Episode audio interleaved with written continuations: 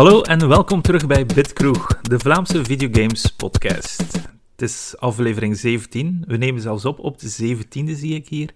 En dat is goed dat we alweer halverwege mei zijn, aangezien we een kleine maand verwijderd zijn van E3. En op dit moment is er amper nieuws. Dus hebben we weer een nieuwe... Ja, voilà. We hebben daardoor een nieuwe gast uitgenodigd voor onze zending weer wat te vullen natuurlijk. Hè. Maar eerst ga ik onze panel introduceren, zoals altijd. Hebben we niemand minder dan onze gamejournalist en onze gamefotograaf tegenwoordig, Robbie. Hallo. ja, ik heb gehoord dat je in de standaard stond met een artikel. Ja, over videogamefotografie. En uh, was het dan ook door Pokémon Snap of was het gewoon. Ik denk dat dat inderdaad uh, aansteek was om erover te schrijven. Want er is eigenlijk ja. niet superveel over gezegd buiten introductie over Pokémon Snap. Maar dan ging het vooral over ja, dat daar meer komt bij kijken als gewoon op een screenshot-knop duwen en zo. Ja, ja, ja, met die lightning en al die toestanden. Ja. En uh, Tom Hendricks, de vroegere Gamemania-medewerker en nu fulltime fotograaf, had dan zijn deel van het verhaal gedaan, meer over de in real life fotografie erbij, als keerzijde. Was je tevreden van het artikel uiteindelijk? Ja, uiteindelijk wel. Ja. Je krijgt uiteindelijk tien vragen gesteld en je doet daar een hele grote uitleg op en je weet van, ja, het gaat maar een one-pager zijn, dus we gaan gewoon hier en daar een paar snippets pakken ja. als quotes. En dan komt er nog een keer een eindredactie over en zo. Maar uiteindelijk was de, de insteek, allee, het verhaal dat ze brachten wel goed. En de mensen kunnen dat artikel ook volgen als ze u volgen op Twitter natuurlijk. Ja, ik heb het al overal gedeeld. En ze hadden mijn screenshot gekozen, want ik, ik had een paar screenshots aangeleverd van Pokémon Snap. Een, hele, uh, een paar van Assassin's Creed Valhalla en Odyssey en zo. En ze hadden interessant genoeg gekozen voor die van A Plague Tale. Ah, maar... En dat was zojuist het ene dat ik aangehaald had, om zo te zeggen van dat de, de lichtinval heel belangrijk kan zijn in sommige games en zo, en dan ze de juiste hoek vinden ah, ja. daarvoor, voor dat weer te geven. Dat was wel een gooie. Ja. Direct ook doorgestuurd naar Asobo om te zeggen van hé, hey, kijk, je staat in de krant dankzij mij. dat niet, dat die, niet, dat die dat nodig hebben, maar... nee, dat is juist. En je hebt hem nu gehoord lachen. De man die de vorige keer ontbrak, maar nu weer van de partij is, Tim of Ifonk. Hey, hallo. Sava? Ja, zeker, zeker. Dit keer missen we Bitjager. Hij is wat technische zaakjes aan het oplossen voor de familie. Maar zoals ik al eerder aanhaalde, ik heb weer een nieuw gast. Het is een goede kennis van mij. En dit keer is dat Ramirez. Hey Ramirez. Hallo. Hoe is het? Goed, goed. Bedankt voor de uitnodiging. Het is niets. De reden waarom ik u heb uitgenodigd is omdat je ook een kleine geschiedenis hebt bij Nintendo. En ik wou ja. dat is recorden, dat leek me wel een keer leuk om mee te delen aan de luisteraar. Ja, geen enkel probleem. Hoe ben je bij Nintendo terecht geraakt? Uh, Nintendo is uiteindelijk bij mij terechtgekomen. Ik oh, was uh, taalwerk aan het doen en Ja. op een gegeven moment kreeg ik een e-mail van iemand die zei: Ja, heb je soms interesse om uh, voor een videogamebedrijf in Frankfurt te komen werken? En ja, ik, ja, ik had gewoon uh, antwoord van: Ah ja, oké, bedoelt je Nintendo? en ik kreeg dan antwoord van: uh, Ja, normaal gezien um, mogen we de naam van de klant niet zeggen, maar ja, uh, het is voor Nintendo. en ik was zelf niet echt actief op zoek naar die job, maar uiteindelijk toch de beslissing genomen om uh, toch op zijn minst de kwalificatietest die ze mij voorschotelden te doen. En uiteindelijk gekozen om toch daar te gaan werken. En ik heb daar dan een jaar of drie gewerkt, van 2016 tot uh, 2019. Heb je dat zo lang gewerkt? Amai. Ja. ja. Tijd vliegt uiteindelijk. Hè. Ja, ja, inderdaad. Ah. Ik Je heb... hebt daar ook gewoond en dat was dan appartementen van Nintendo of zoiets? Nee, was iets nee, heel nee, nee, nee. speciaals? Ik- ah, eh, oké, ça nee, ik had twee weken de tijd om een appartement te zoeken. Dus uh. Ah, ja, Frankfurt va. is best een competitieve stad. Dus Ja. ehm, dat was niet evident, maar uiteindelijk had ik veel geluk en een mooi appartement gevonden. Waar dat, ja, ik moest het delen met een paar andere personen, maar heel rustige wijk. eh, tien minuten van mijn werk. En Oh, er was een zwembad en zo. Over mijn woonomstandigheden zeker geen klaar. Oké, zo. Dus bij Nintendo gewerkt. Aan welke projecten heb je dan allemaal gewerkt, als ik vragen mag? Ik heb twee verschillende jobs gedaan daar. Dus de job Mhm. waar we mijn eerste hadden ingehuurd was als tester. En mijn eerste project was ehm, ja, Zelda Breath of the Wild. Dat ik, ik geloof dat ik daar een maand of drie of vier aan gewerkt heb. En dan verder eh, Mario Kart, Ever Oasis, One to Switch was een van mijn projecten ook. De key art, of wat was dat weer? Ja, ja, ja. ehm, One to Switch was, eh, ja, dat was een interessante. De, Oké. de- er was nog niets bekend eh, over de Switch op het moment dat we One to Switch moesten testen. En dat was allemaal zeer eh, onder geheimhouding enzovoort. En dan, Ja, ja. ja, de tweede job die ik bij Nintendo uitgevoerd heb, was als artwork producer. En die naam zegt niet echt veel over de job. Dat was voornamelijk heel veel coördineren tussen alle verschillende partijen in Nintendo om uiteindelijk tot ehm, het doosje en de verpakking eh, te komen, die dan in eh, alle verschillende talen moest gelokaliseerd worden. Dus meestal had je een stuk of 7, 8 versies per spel die in alle talen ja, 100% in orde moesten zijn. En dan moest jij beslissen waar dat lelijk Duits USK-logo op moest op Wel, nee, omgekeerd. Eh, Ah. Dat zijn allemaal dingen die redelijk vast liggen. En per taal heb je een aantal ja, dingen die effectief moeten. Eh, Mhm. Voor Nederlandstalige games, ik weet niet of je daarop gelet hebt al, dat is de enige taal waar dat er eh, onderaan Nederlandstalig een uitroepteken eh, op de doos Ah, staat. Eh, Frans heeft bijvoorbeeld epilepsiewaarschuwingen die verplicht zijn.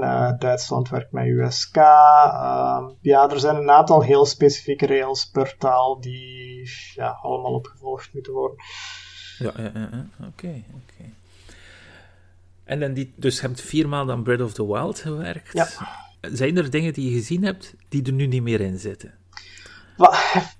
Ja nee, is het antwoord. oké, zo. Uiteindelijk, ehm, elke dag was er min of meer een nieuwe beeld van het spel, waar dat er kleine dingen veranderden. Ik kan niet echt zeggen dat er echt eh, content verwijderd is, of dat er eh, gigantische stukken Mhm. weg zijn, maar voornamelijk, eh, job als tester was eh, voornamelijk kijken naar de dialoog in het spel. Sommige dingen waren wel redelijk wat herschreven. Ik weet het Zora-gebied was, die had een rewrite gekregen op een gegeven moment. Mhm. Maar Ja, dan zaten jullie allemaal met de handen in het haar. Ja, ja want eh, dan ja, kan je min of meer opnieuw beginnen testen, maar eigenlijk alle dialoog eh, in het spel checken. Dus ehm, Zelda had heel veel conditionele dialoog, bijvoorbeeld personages die net als ze wakker worden een bepaald ding zeggen. Ehm, Hmm.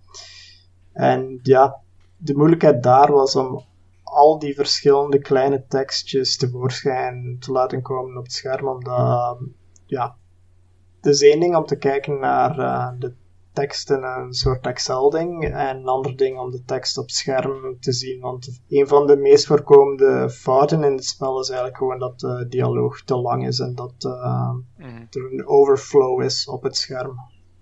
Dus je ging dan gaan, ja, je ging gaan slapen met Breath of the Wild in je gedachten. Die stond op met Breath of the Wild in de gedachten. Heb je ondertussen Breath of the Wild nog een keer opgestart? Ik heb het gekocht, maar zelf nog niet volledig gespeeld. Eh, Oké. Maar de DLC heb je zelf niet vertaald. De Nee. DLC, eh, dat was. Daar heb ik zelf niet meer aan gewerkt. Ehm. De DLC is een paar maanden later uitgekomen. Ik weet niet meer exact wanneer. En tegen dan was ik al mijn artwork producer job aan het doen en niet meer eh, actief als tester. Uiteindelijk maar een maand of acht gewerkt als tester en dan een jaar of twee als, Als artwork producer. Ja, voor vele mensen die nu luisteren is dat natuurlijk een droom om bij Nintendo te werken. Hè. Dus, eh, ze zien waarschijnlijk allemaal, eh, iedere dag dat ze opstaan, zien ze Mario die u begroeten en alleen toestaan. Ja, bij mij was het een beetje raar in, in de zin dat in mijn jeugd enzovoort ja. leek dat mij echt een uh, droomjob. Een en, droomjob, en heb ja. ik ook ja, bijvoorbeeld journalistiek gestudeerd, omdat ik ook met game journalistiek bezig was enzovoort. En Ja, ik weet. ik, ja, ik had graag een job bij Nintendo of bij een ander gamebedrijf gehad, maar tegen dat ik effectief afgestudeerd was, ehm, had ik niet meer echt actief dat verlangen om ehm, ja, voor Nintendo of voor een ander gamebedrijf te werken. En ja. heel toevallig hebben zij mij gevonden, dan heb ik, heb ik dan toch een kans gegeven. Dus het advies hier is eigenlijk, laat uw droom zo snel mogelijk varen, dan vindt die droom jou zelf. ja, ja, ja, ja. Hmm, misschien moet ik veel dromen laten varen. ja, dat is het beste.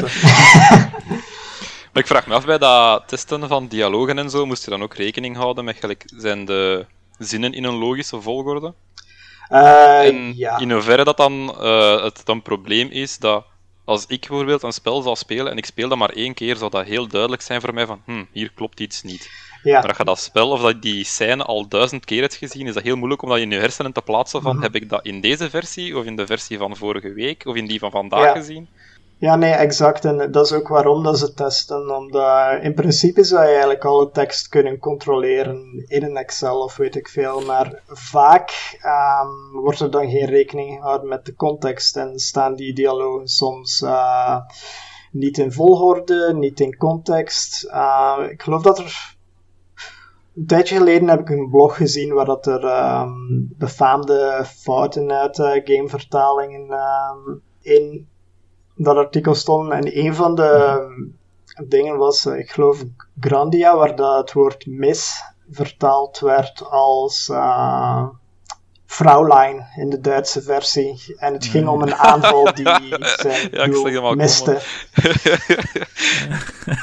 Oké, ja, ik snap hem. Zo'n combo aanval, hit, hit, hit, vrouwlijn. Ja, ja, exact. exact. Dus. Dat is het hoofddoel van testing, is dat alle dialoog in zijn context in het spel gezien wordt en dat je zo dingen eh, vermijdt. En kwamen er dan eh, bekende Japanse gezichten over de vloer bij eh, Nintendo? Ehm, Of, eh, Niet vaak. Ehm Aonuma is langs geweest en die ehm, heeft ja, alle testers en alle mensen die aan het spel gewerkt bedankt. Die is Ah, geloof ik een half uurtje komen spreken handjes voor komen ons. Maar ja, er, er komen veel Japanse mensen over de vloer natuurlijk, maar ehm, die zie je niet altijd. Die, ja, iedereen is met zijn eigen ding bezig. Er zijn heel veel verschillende departementen en Ja. ja, Ja, ja. En, en nu, een keer een serieuze vraag. Ehm, bijvoorbeeld, nu, Nintendo is een Japans bedrijf. Mhm. En ik weet bijvoorbeeld van mijn vakbondsvergaderingen, er zitten daar ook andere vakbonden bij, Mhm. die vakbonden zijn voor Japanse bedrijven. En die zeggen dat Japanse bedrijven toch wel heel veel, veel eisend zijn. Is Nintendo een veel eisende werkgever? Verwachten ze dat je toch wel meer inzet dan normaal? Ehm, Doet dat wel mee? Of om- omdat het in Duitsland is? wel exact wat je zegt eigenlijk. Ehm, Ja. er is, ja, er is een soort dualiteit tussen. eh, het, is, het moederbedrijf is Japans, Mhm. maar Nintendo Europe is Duits. En Duitsland heeft vrij strenge wetgeving voor eh, dingen zoals ja. vakbonden enzovoort. Dus ehm, de meeste grote bedrijven, Nintendo alvast, heeft een soort eh, bedrijfsraad waar dat Ah. er ehm, werknemers in zitten van alle lagen van het bedrijf. Eigenlijk. En die beslissen over eh, veel dingen, zoals eh, of dat er ehm, overuren gewerkt mogen worden en andere dingen. Maar aan de andere kant, eh, in mijn tweede job moest ik vaak omgaan met mensen van NCL, de Japanse tak van Nintendo. Mhm. En puur als ik naar de uren keek waarop dat ze antwoorden op e-mails, dan ja, die, werken langere uren dan wij werken. dat is Dan- iets dat ja. ja. onmiskenbaar is wel. Ja, dat is de Japanse mentaliteit natuurlijk. Ja, maar in Duitsland bijvoorbeeld mag je niet langer dan 10 uur aan een stuk werken en dat wordt allemaal vrij streng gecontroleerd. Ja, oké. oké, Snap het. Ehm, even denken. En uh, het eten in de cafetaria. Ja, ik ben iemand die als aan denkt aan eten. Dat was dat van Nintendo zelf? Of was dat... was um, Dus Nintendo, um, intussen zijn ze van uh, hoofdkwartier veranderd in Frankfurt. Ik heb het nieuwe ah. hoofdkwartier nog niet gezien. Maar mm -hmm. toen ik er werkte, um, was dat in. Uh, ze zitten nog altijd in Niederraad. Dat is uh, een deel van Frankfurt waar dat er heel veel grote bedrijven zitten. En Niederraad heeft heel veel kantines. Dus Nintendo had een eigen kantine, waar het eten ah, ja. ja. best oké was. Maar in de buurt had je dan nog keuze uit andere cafetaria's waar dat ja, iets hogere kwaliteit voor een iets hogere prijs was. Maar uiteindelijk, de prijs van eten in Duitsland is een stuk goedkoper dan hier. Hier in België. Ja. ja je had me ooit eens verteld dat er zo'n aparte sticker in de kantine hing. Weet je dat nog? Ja, uh, wat was dat? Dat was een... Die weed. Dat was een Mario met een of andere... ja, een of andere weed uh, woordspeling. Uh, daar heb ik mij soms van afgevraagd van ja, als, als sommige van de higher-ups dat zien, um, is er daar ooit commentaar over geweest? Geen idee, maar de kantine was um, niet van Nintendo zelf, maar een ah, extern bedrijf die ah, okay. ja, de kantine deed. Ja, het is dat, het is dat. Dat kan niet. Dit is de podcast waar ja, ja, ja, over een kantine. ja, eten was best, best goed. Zo oké. Okay. Uh, je hebt me ook eens verteld dat er ieder jaar op het einde van het jaar een grote veiling is. Wil je daar iets over vertellen? Of is dat... Ah, veiling niet echt. Um, er is, de veiling was een klein deel van um, het geheel. En ja, jaarlijks doet Nintendo een soort ja, kerstverkoop, waar dat er een ja, deel van hun archief eigenlijk wordt verkocht aan personeel. En dan kon je voor heel ja, schappelijke prijzen. Nog wat retro op de kop. Ja, retro, um, retro zat er tussen het eerste jaar. Daarna was het voornamelijk um, Wii U games en uh, Nintendo 3DS. DS games. Ja, Nintendo 3DS games en een paar DS games nog. Maar dat was altijd heel leuk. Uh, om aan mee te doen. En dan een deel van de zeldzamere dingen, die werden dan via een soort veiling verkocht. Ja, we hebben mij ooit een keer daar een, stiekem een fotootje van getoond. En dat was wel uh, heel leuk om te zien. Het was de moeite. het was de ja. moeite. Het was altijd leuk. En ja, alle um, opbrengsten daarvan gingen altijd naar uh, goede doelen die het personeel mocht voorstellen. Ah, is het waar? Oké, ja. dat ging niet intern. Ah, dat is wel positief. Oké. Ja, ik denk zo, dingen zoals kindarmoede. Um, ik weet niet exact nu welke charities. Mm Maar ja. Dus ik vond het altijd wel leuk. Ook een van de dingetjes waar ik erg jaloers op was toen dat je mij dat stuurde, was dat intern Smash Bros. toernooi. Ja, ja, dat was leuk. Um, af en toe deden ze dingen in die aard. Zo'n intern Mario Kart toernooi, een intern Smash Bros. toernooi. En ja, ja als, als je graag dingen zoals Smash Bros. speelde, um, ja, er was altijd uh, volk die graag meespeelde. Uh, de tweede verdieping was opgezet met heel veel consoles, met dan elk ja, een controller of vier of, of acht zelfs voor die uh, eight player Smash modes. En ja, na de werkuren of tijdens pauzes kon je altijd uh, Smash Bros. of iets anders spelen met mensen. En dat, dat, was wel een van de leukere dingen aan werken. Dat ook zo'n trofee had ik gezien toen der tijd. Ze hadden zelfs een eigen trofeetje laten drukken voor de, ja. voor de werknemers. Ja, inderdaad. Uh, ja, Smash Bros. nu was heel leuk om aan mee te doen. Ik ben in de tweede of, derde, tweede of derde ronde geraakt, maar de teams waren zeer willekeurig getrokken en helaas ah, had ik me...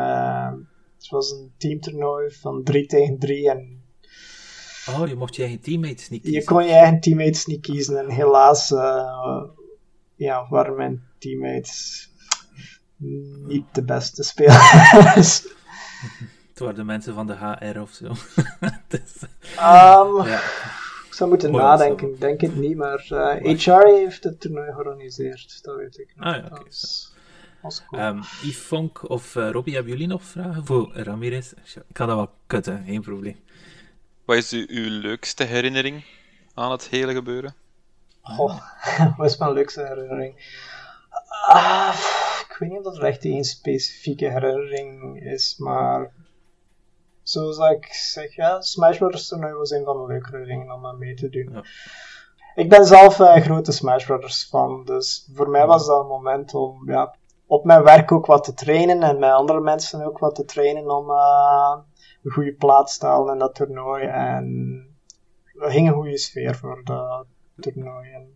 Wie heb je gemained als personage? ah, ik speel uh, voornamelijk Greninja en uh, Wolf in Smash Bros.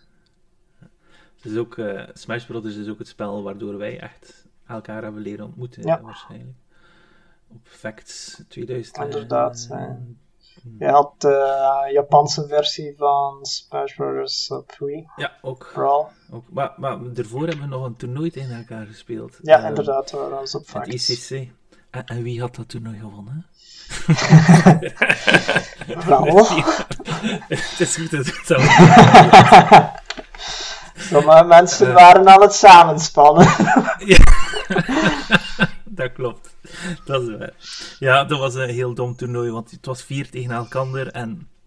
Ah, ik speelde met Link en ik stond uh, heel tijd op het randje en ik was gewoon pijltjes aan het schieten en op een of andere reden is het gelukt om te winnen. Uh, ja, oké. Okay, oh, de queen. ja, ah, wel. Maar kan het er toch in wrijven, hè? Dat doet mij precies denken aan de tijd dat ik zo hoog gerankt stond in Quake uh, eh, 3 Arena. Gewoon omdat ik een cheat gevonden had. Alleen een cheat. een, een cheesy manier om te winnen. En dat dat weken geduurd heeft eerst dat gepatcht hadden. ah, waarom niet? Hè? Tim, heb jij nog wat vraagjes voor ons? ik, ik vroeg me eigenlijk af van... Hoe voelt het dan op het moment dat je dan dingen weet over de Switch? De console is nog niet gereleased, die informatie is nog niet geweten. En je leest dan online allerlei zaken die al dan niet juist zijn. Denk je dan soms van, haha, nee, hier zit echt wel fout, of?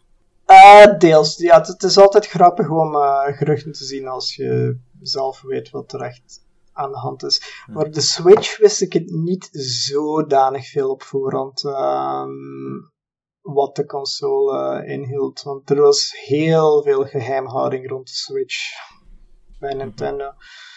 Dus... En als je die, die testing deed, bijvoorbeeld van One to Switch of Breath of the Wild, was dat dan voordat hij voorgesteld was? Even, welke timeframe moet ik me dat voorstellen? Als we weten dat in oktober eigenlijk voorgesteld is en dan via een trailer en in januari denk ik de, de echte voorstelling was wereldwijd. Ik denk dat de Switch al publiek onthuld werd, maar uh, One to Switch nog niet getoond werd op dat moment. Ah, Ik weet, veel van de vertalers uh, waren al uh, ja, misschien een jaar bezig met systeemsoftware te vertalen, maar um, het moment dat ik voor Nintendo werkte um, als tester, die eerste paar maanden waren echt puur Zelda. Zelda. Like, een heel groot deel van het bedrijf was puur met Zelda bezig, omdat uh, ja, die titel had, geloof ik, rond de 300.000 woorden en in een stuk of uh, tien talen dan uh, vertaald. Dat was iets dat heel veel coördinatiewerk vroeg. Ja, ik heb erop gelet hoor. Toen ik, toen ik de credits zag of dat je naam erin stond. En toen was ik geen Zelda-fan meer op die dag.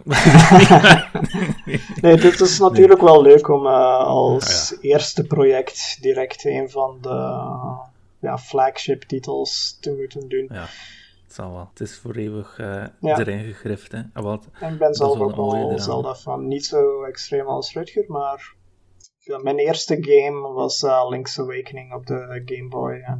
Dus dit wel nostalgische waarde voor mij. Dat snap ik volledig uh, altijd een stiekem een beetje jaloers geweest hoor hier. Nee, het, het vervelendste aan. ehm, of het enige aspect aan eh, dingen op voorhand Ah. weten is dat mensen die weten dat je voor het bedrijf werkt, die informatie proberen ja, ontfutselen en dat behoorlijk irritant kan zijn. Nee, nee. ik was, Ze hebben nu veel getrakteerd op café. Nog eentje heb hebben? altijd Nee, ik ben wel- al beschonken. Ja, ja, doe nog maar eentje. nee, maar ik heb nooit echt... Ik heb wel altijd respect gehad voor... Ja, nee, nee, nee. denk- nee. Eh, ja, een ding dat je echt niet kan doen is NDA's breken. eh, Non-disclosure Nee, het agreement. Ik heb, eh, ik heb er nooit echt specifiek naar zitten vragen hoe, hoe Nee, nee, mensen nee. respecteren en wat dat ze doen uiteindelijk. Over de Netlinks Awakening gesproken, die vond ik wel heel leuk gelokaliseerd. Ah, ja. Want eh, wat ik zo raar vind bij Zelda, bij Nintendo-titels, is dat je heel vaak niet de keuze krijgt om je taal te veranderen in de Ja. game zelf. Maar dat je dat echt moet Geef- doen op je console. Ja, En ik wist dat toen nog niet. En ik heb dus dat spel moeten spelen op het Nederlands. En ik vond dat vrij vervelend om dan zo screenshots te nemen voor mijn Engelstalig publiek. Ah, met ja, zo ja, ja. Nederlandstalige eh, tekst erop of zoiets. Maar die was echt Ja. wel heel leuk vertaald, want dat is zo ABN, zo beschaafd Nederlands, voor de major part of it. En dan hadden ze één personage dat zo precies een, een Vlaamse kiekenboer is. dat zou ik zo spreken met mijn kiekjes. Ik moet mijn kiekjes nog voeren. En dat is zo van, oh geweldig dat dat erin zit. Toen ik er werkte, eh, waren eigenlijk eh, de meeste testers waren op dat moment Vlamingen. En alle vertalers waren Nederlanders. Wat soms wat spanningen gaf, in de zin van... eh, ja, in Breath of the Wild bijvoorbeeld stonden er hartstikke veel hartstikkes. Ja, En die hebben we dan toch wel proberen uitvissen, zoveel mogelijk. Wat eh, bij de Nederlanders dan eh, soms wel wat frictie gaf. Van, ja, ja, die- sommige van die uitdrukkingen zijn ook gewoon heel erg cringe. Zo hartstikke gelijk dat gezegd, of jemine, en dat is zo, oh, nee. ja, inderdaad. Dat, dat, is, dat is een van de dingen die ik als tester eigenlijk ja, zoveel mogelijk eruit heb gevist als het echt te Hollands was. Omdat de bedoeling toch was om eh, een product te maken die in beide eh, regio's. Ja, neutraal is niet echt het woord, maar ehm, Ja. ja. Maar dat geen een scheidingslijn creëert tussen de twee talen. Nee, inderdaad. inderdaad. Eh, sommige dingen, als je zegt van ja, oké, maar dit, dit, dit snap ik zelfs niet echt. Sommige uitdrukkingen zijn zeer lands-eigen, ook al spreken we dezelfde taal. Mhm. En dan ja, kan het een beetje vervreemdend werken. Ik vond het interessant. Bedankt. Hij heeft daar zo leuke verhalen soms rond. En ik ben er altijd wel jaloers op geweest. Maar ik vind dat je dat wel kan delen met de wereld, sommige van die verhalen. Ah, Dus bij deze. Nu, normaal gaan we nu over naar wat hebben we gespeeld. Ik zal eh, even Robbie aan het woord laten daarvoor. Robbie, wat heb jij deze week zitten spelen? Ja, dus vorige week had ik gezegd dat ik Sonic Omens beginnen spelen was, die fan-made eh, Sonic game. Ja. Maar ik raakte toen niet voorbij het eerste level en dat bleek toen het probleem te zijn dat ik het aan het spelen was op de gedownloade versie en ik moet eigenlijk op Game Jolt zelf... eh, En nu heb ik daar ook kunnen verder op spelen en ik moet zeggen, die eerste twee levels en die eerste boss battle vond ik heel enjoyable. Ja. Dat was echt super goed gedaan. Echt zo Sonic, dat je het kent, heel snel kunnen gaan als je echt zo weet waar je naartoe moet gaan, over water lopen. Eh, ik heb zelfs al mensen eh, speedruns zien doen waarvan ik dacht van wow, zo in plaats van die looping volledig rond te doen, zo halverwege die looping eruit vliegen en zo de helft van het level cutten en zo. Dus je kunt echt wel coole dingen mee doen. En dan heb ik ook gerecord en op YouTube gesmeten. Dan begon ik verder te spelen. En dan kwam ik levels tegen dat mij eh, flashbacks gaven en zo trauma's gaven aan in de tijd dat ik eh, Banjo-Kazooie aan het spelen was. En dat level met in een boom, dat je zo van gans van boven naar beneden valt en dat je dan de hele progress opnieuw moet doen. En zo'n level hadden ze er ook in gesneakt. Ah, ja. En dat vind ik verschrikkelijk en niks werkt meer ontmoedigend voor mij om een spel verder te spelen dan zo... Begin maar opnieuw. ja, met klimmen. ik snap het. Dus ik heb het voorlopig laten vallen, maar er zit wel veel belofte in, in dat spel. Hè. Je vindt het echt zo voor fan mee te zijn, je zou het niet zeggen. Vooral in animaties ook. De cutscenes en die animaties zijn geweldig gedaan. Oké. En hebben ze al veel Patreons ondertussen? Ehm, ja, maar ze zijn geswitcht. Ehm, dus de, ze zijn het verhaal aan het veranderen, want eigenlijk mogen ze geen geld krijgen voor fan-made dingen, want de IP is nog altijd van Sega. Ja. Eh, en die Patreon was eigenlijk een beetje een loophole en hebben ze nu opgelost door te zeggen van kijk, we zijn die een fan-made game aan het doen om ons kunnen te bewijzen. En alles wat dat in de Patreon terechtkomt, gaan we in ons eigen project steken, in een andere game. Ah, dus dat hebben ze nu zo opgelost. In het begin was dat helemaal niet de bedoeling, maar nu zijn ze het wel zo aan het aanpakken, wat dat veel verstandiger is, zodat ze nooit de lawyers achter hun krijgen. Sega is redelijk open naar hun IP-gebruik, maar de ene regel is, je mocht er geen geld aan verdienen, tenzij er een, een duidelijk contract is, gelijk met die 2D uh, Son uh, Sonic game daar. Ja, ja, ja. ja. Okay. Uh, verder ben ik ook Nanotail terug beginnen spelen. Van de Belgische makelij. Maar ja, opnieuw uh, verder beginnen spelen eigenlijk. Okay. Ik was aan het spelen op mijn Microsoft Surface Book 2 en dat heeft blijkbaar een heel rare resolutie. Mm -hmm. dat dat spel niet herkende. En omdat ik die resolutie niet herkende, kon ik ook bijvoorbeeld in de settings mijn resolutie niet aanpassen, want dingen zoals muisknop klikken werden niet aanvaard. Dus ik moest even wachten op een fix daarvoor en nu ben ik erop verder aan het spelen en het heeft me wel mee. Ik vind het echt tof gedaan nu. Uh, ik vind Epistory, de voorganger, nog altijd iets leuker. Maar Nanotail heeft mij meer en meer met uh, de manier van experience verdiend. Echt zo exploration en alle planten, de fauna en de flora gaan hun namen typen en zo om het te documenteren. En dat je daar dan experience voor krijgt, vind ik wel tof en verslavend. Oké. Okay. En laatst ben ik terug uh, in Valhalla gedoken. Weer een excuus gevonden om daar een paar uren in te pompen met de Wrath of the Druids DLC die uitgekomen is. En, en ga je die ook 100% gaan? Ja, ja, voor de DLC ga ik terug 100%, maar ik heb wel al eens heel neig gevloekt, want ik heb net niet 100% gehaald in de base edition door die stacking stones, zo, die cairns dat je moet stapelen. Ja. Dat na verschillende uren dat ik gewoon zei van, weet het, deze is het niet waard. En ik was nog geen één uur aan het spelen in Wrath of the Druids. En ik zag dat er een achievement was trouwens ook voor complete the entire map. En dan kom ik terug zo stacking stones tegen. Zo, nee, waarom Ubisoft? ah, why do you do this? Want dat was Ja, letterlijk ja, ja. zo bijna bij iedereen, zo alle completionists en alle achievement hunters, van ah, als ik dat nog één keer moet doen, en dan steken ze dat er weer in, zeg. Nee, ik snap het. En er was toch weer een moeilijke bij, want bij een van die puzzels was ik toch weer een half uur aan het bezig en aan het vloeken van, ja. Maar voorlopig zijn ze me allemaal gelukt in die regio. Ja, Ik denk dat dat toch... Ik ben er nu Wat? iets van een 13 uur bezig. Ik denk toch dat het 15 à 20 uur is voor de meeste mensen qua content. En bij mij moet er dan nog eens 5 uur bij optellen, omdat ik gewoon in fotomode overal eh, locaties aan het zoeken ben voor toffe fotootjes te pakken en zo. En Heb je het al eh, in het echte leven al een keer geprobeerd de stenen te stekken? Eh, als kind wel, ja, maar dat gaat eigenlijk makkelijker, omdat je, je kunt twee stenen vastpakken. In dat spel gaat dat niet. En in het echt kun je gewoon met je linkshand een steen zetten en dan een zwaardere er rechts op zetten, bijvoorbeeld. En dan dat gewicht van die zwaardere steen houdt die in balans.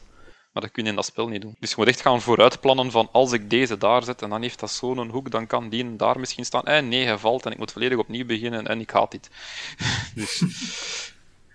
En dan zie je zo constant van die tutorials dat je denkt van misschien is het een bepaalde volgorde van stenen en dan zie je duidelijk zo die cursor in beeld en dat je weet van ja, die is op een PC aan het spelen, maar op PC is dat super makkelijk om te doen, het schijnt. Het is op console dat het zo moeilijk is om te achieven. Maar ik handig de fakkel over aan de volgende persoon, want ik ben al genoeg aan het woord geweest. Tim? Ik ben een nieuw game begonnen. Alleen niet nieuw, het is een heel oud game, maar ik heb het destijds niet gespeeld door eh, het game dat Ramirez aan het testen was.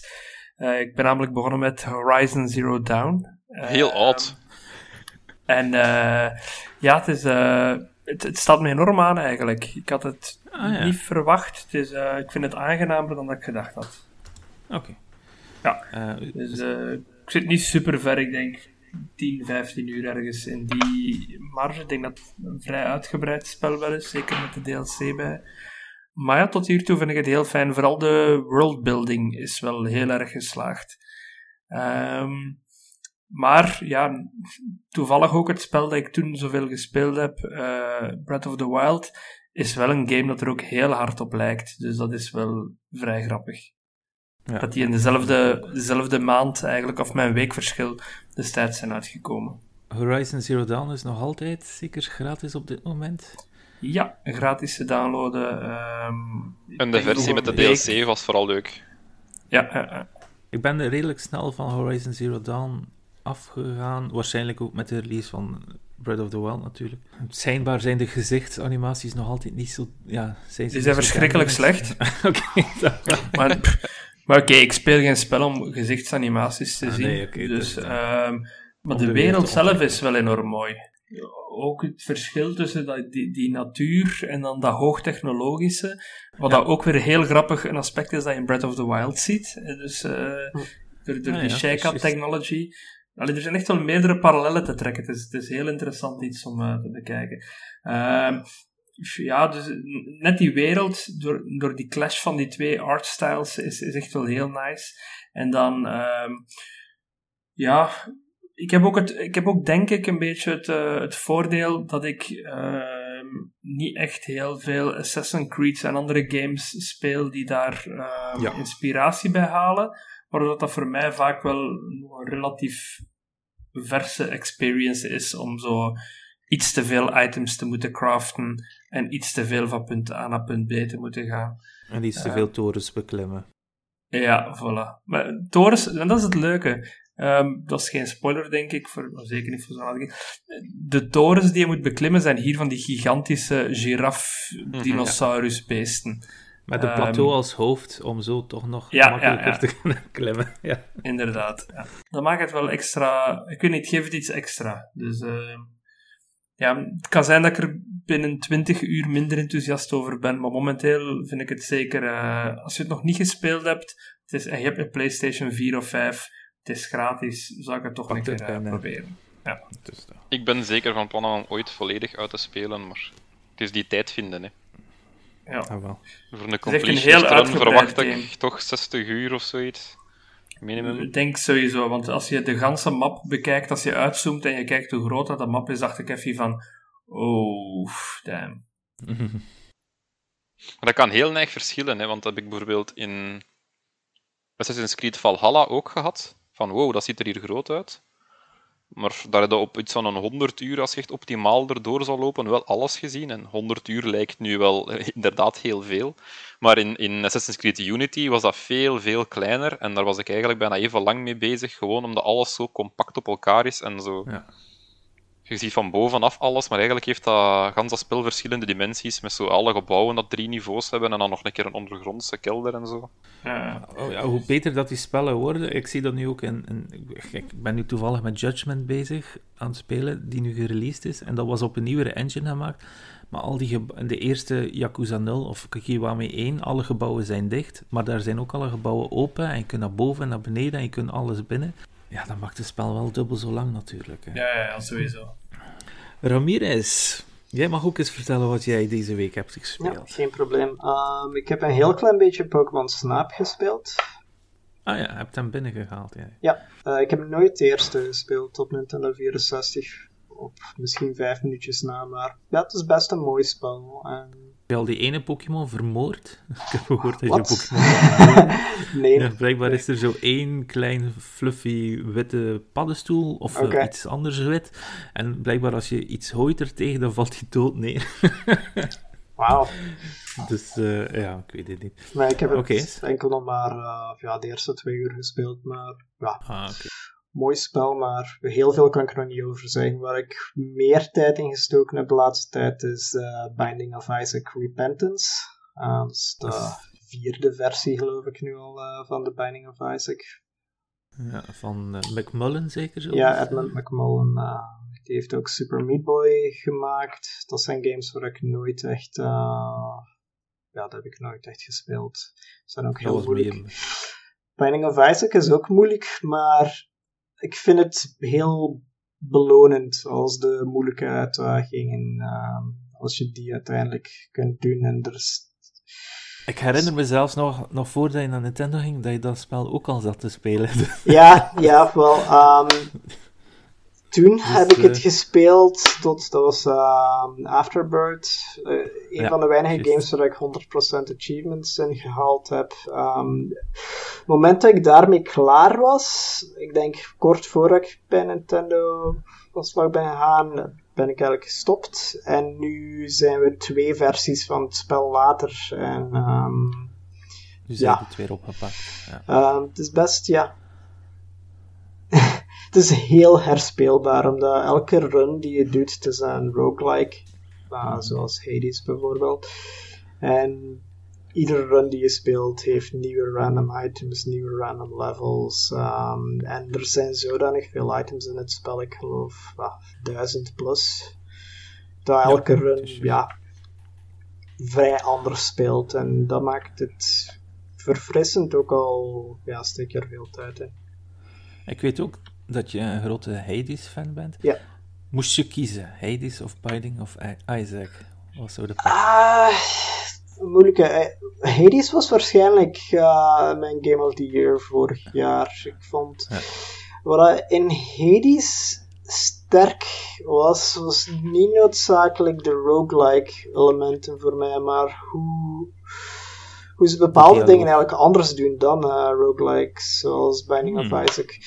Het verhaal in Hades is bijvoorbeeld veel, veel sterker en dus zodanig veel liefde ingestoken in hoe in Hades je bijna nooit dezelfde dialoog uh, twee keer hoort. Er zijn zodanig veel voice lines voor zeer specifieke situaties, Mhm. zodat ja, in Hades je gaat dood, maar iedere keer dat je doodgaat krijg je een soort beloning in de vorm van nieuwe dialoog, nieuwe interacties met personages, paar nieuwe unlocks. Wat in Hades wakker is, is um, er is niet zoveel variatie in de power-ups die je krijgt doorheen het spel ten opzichte van Isaac. Like, de speelstijlen in Hades ze zijn allemaal leuk, de wapens die je kiest in het begin en zo, maar uiteindelijk wijken de power-ups nooit uh, heel hard af. Um, in Isaac begin je met uh, simpele tranen, maar uh, op het Ja. einde ben je soms ja, vijf, zes lasers tegelijk aan het schieten, terwijl dat er vliegjes naar vijanden vliegen en van alles en nog wat tegelijk. In Het Hades is wordt wel een nooit heel echt... vies spel, hè? Ja. In Hades kan je nooit echt uh, super overpowered worden en... Um, Ja. Dat is juist. ja, dat, dat is een groot verschil. Dat is voor mij een beetje zwakker in Hades, maar aan de andere kant, uh, ja, het verhaal vond ik veel, veel sterker. En Ja. ja, zeker een van mijn favoriete games van de laatste vijf jaar. Ja, Binding of Isaac kun je inderdaad heel, har- heel hard breken. Hè? Als je echt de Ja. juiste power-ups hebt. Deze versie minder. Uh, er zijn een aantal goede items uh, zwakker gemaakt. Repentance. En sommige van de manieren om het spel eigenlijk echt te breken, zoals. ehm, ja, er waren manieren om gemakkelijk ehm, heel veel geld te krijgen. En dan uh, had je bijvoorbeeld een refresh item in de shops, dat er continu nieuwe items uh, bleven, blijven spannen. Nu wordt elk nieuw item dat je koopt een beetje duurder, waardoor dat direct veel moeilijker wordt om heel veel verschillende items in een shop te uh, kopen. Ah, Uh, Dingen in die aard. Uh, het is nog altijd breekbaar, maar het is moeilijker. In het algemeen is het moeilijker. Je zit er weer mee begonnen met Binding of Isaac. Ja, ik weet niet of dat ik uh, voor de 100% weer ga gaan, want nu, uh, ja, er zijn, er zijn nieuwe personages die, die maar één keer geraakt kunnen worden en dan is het gedaan en dat is, dat is best intens. Ik zelf heb uh, niet zoveel gespeeld de voorbije twee weken. Vorige week was ik ook weer hetgene vergeten te zeggen wat ik had gespeeld. Het spel zeggen wat ik het meeste heb gespeeld, is natuurlijk Apex Legends. Er is een nieuw seizoen, dat betekent ook dat er een nieuw karakter is, dat is Valkyrie. Die is serieus cool. Die kan zo vliegen en uh, een barrage, een missiles sturen naar andere spelers. En, en die kan dan ook nog een keer als ult kan ze launchen. En dan kan ze iedereen zien op de map. Het is heerlijk om mee te spelen. Het is een van mijn favoriete nieuwe karakters. En er is een nieuwe modus in Apex Legends. En dat is 3 versus 3. Dus dan moet je in het begin van de, van de match moet je wapens kopen met geld dat je kan vinden op de kleine map. Het is geen Battle Royale. En dan, of ja, iedere, iedere beurt krijg je sowieso een klein beetje geld. Maar dan afhankelijk van je daden kun je meer geld hebben de volgende ronde. En ja, het is, het is wel een keer leuk om een keer geen Battle Royale te spelen. Maar ik weet niet of dat het een blijver is. Het, is wel goed. Het is eigenlijk heel goed. Maar Apex Legends is nogal dan voornamelijk Battle Royale voor mij op dit moment. Ja, het is wat ik wat gespeeld heb. Ik ga het kort houden. Oké, okay, dan gaan we over naar het nieuws gaan. Ik uh, zie hier dat... Uh, als eerste nieuwtje zie ik hier dat 505 Games... die keurt de ontwikkeling van Ghost Runner 2 goed. Ghost Runner was een, een game die is een beetje Mirror's Edge-achtig. Ja. Waar dat je wel met een wapen, met een katana, in een cyberpunk-achtige wereld springt van enemy naar enemy. Ja, het is eigenlijk meer een puzzelgame als je het speelt, vind ik. Ja, ja. Is puzzle-ridden eigenlijk Ja. zelfs een beetje.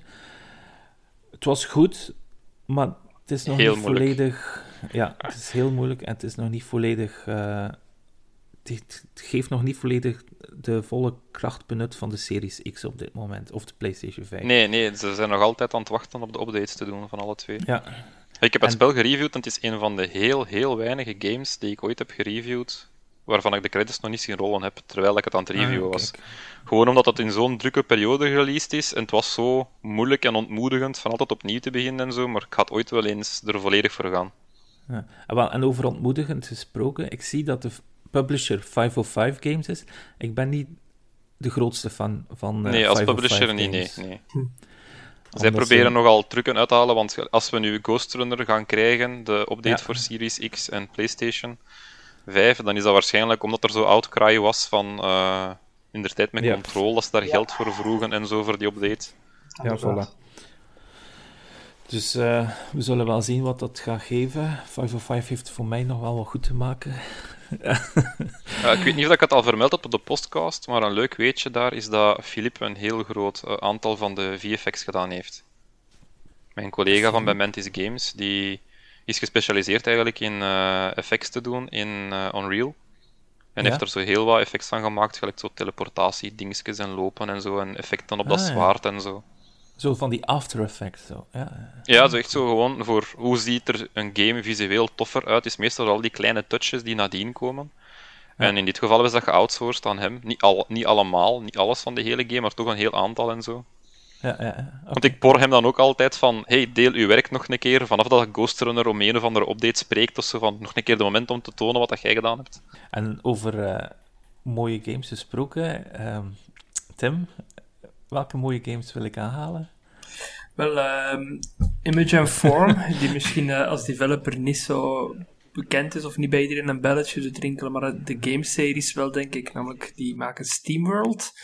Eh, en die hebben deze week op eh, Twitter bekendgemaakt dat er ehm, ja, een hele reeks nieuwe games aankomen.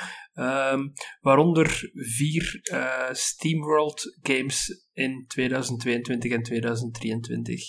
Ehm, voor mensen die er niet mee gekend zijn, eigenlijk is SteamWorld de wereld waarin de games zich afspelen. Ehm, maar de games zelf hebben diverse genres. Dus je hebt Ja. SteamWorld Dig, wat een beetje een... Goh, Metroid Spelunky-achtige dingen.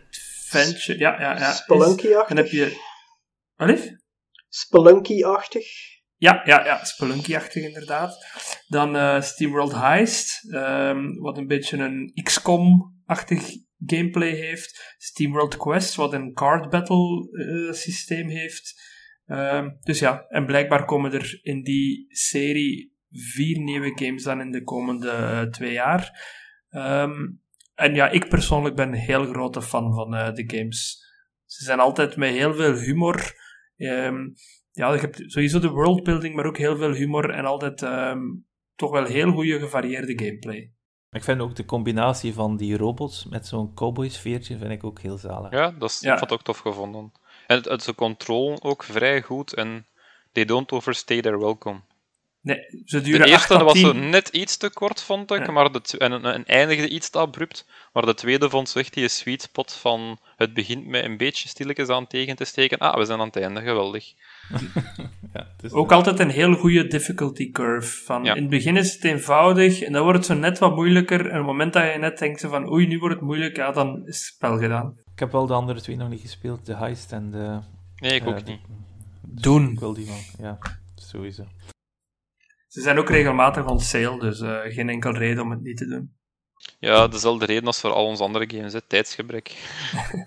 Image and Form is wel nog bezig met een andere game, dat heet The Gunk. Ik denk Ja. dat we die binnen een maandje wel meer over gaan kunnen zien eigenlijk. Ik denk dat het ook een eh roguelite gaat zijn. Die was, was die Xbox exclusive? Ja, hè. Game Pass zelfs, ja. Klopt. Maar ik vind eh, hun publisher ook gewoon heel erg leuk. Die zitten nu samen bij Thunderfall. Het zijn voor, voor mij wat vraagtekentjes, maar... het is niet- het meest recent bijvoorbeeld Say No More kwam van hun. ook. Ah ja. Die Ah, ja, tekenen zo heel leuke indies en altijd wel van die zo kleine succesjes. Ja, ja. Of Zoink Games zit daar ook onder. Van bijvoorbeeld, ehm hoe noemen ze nu weer al?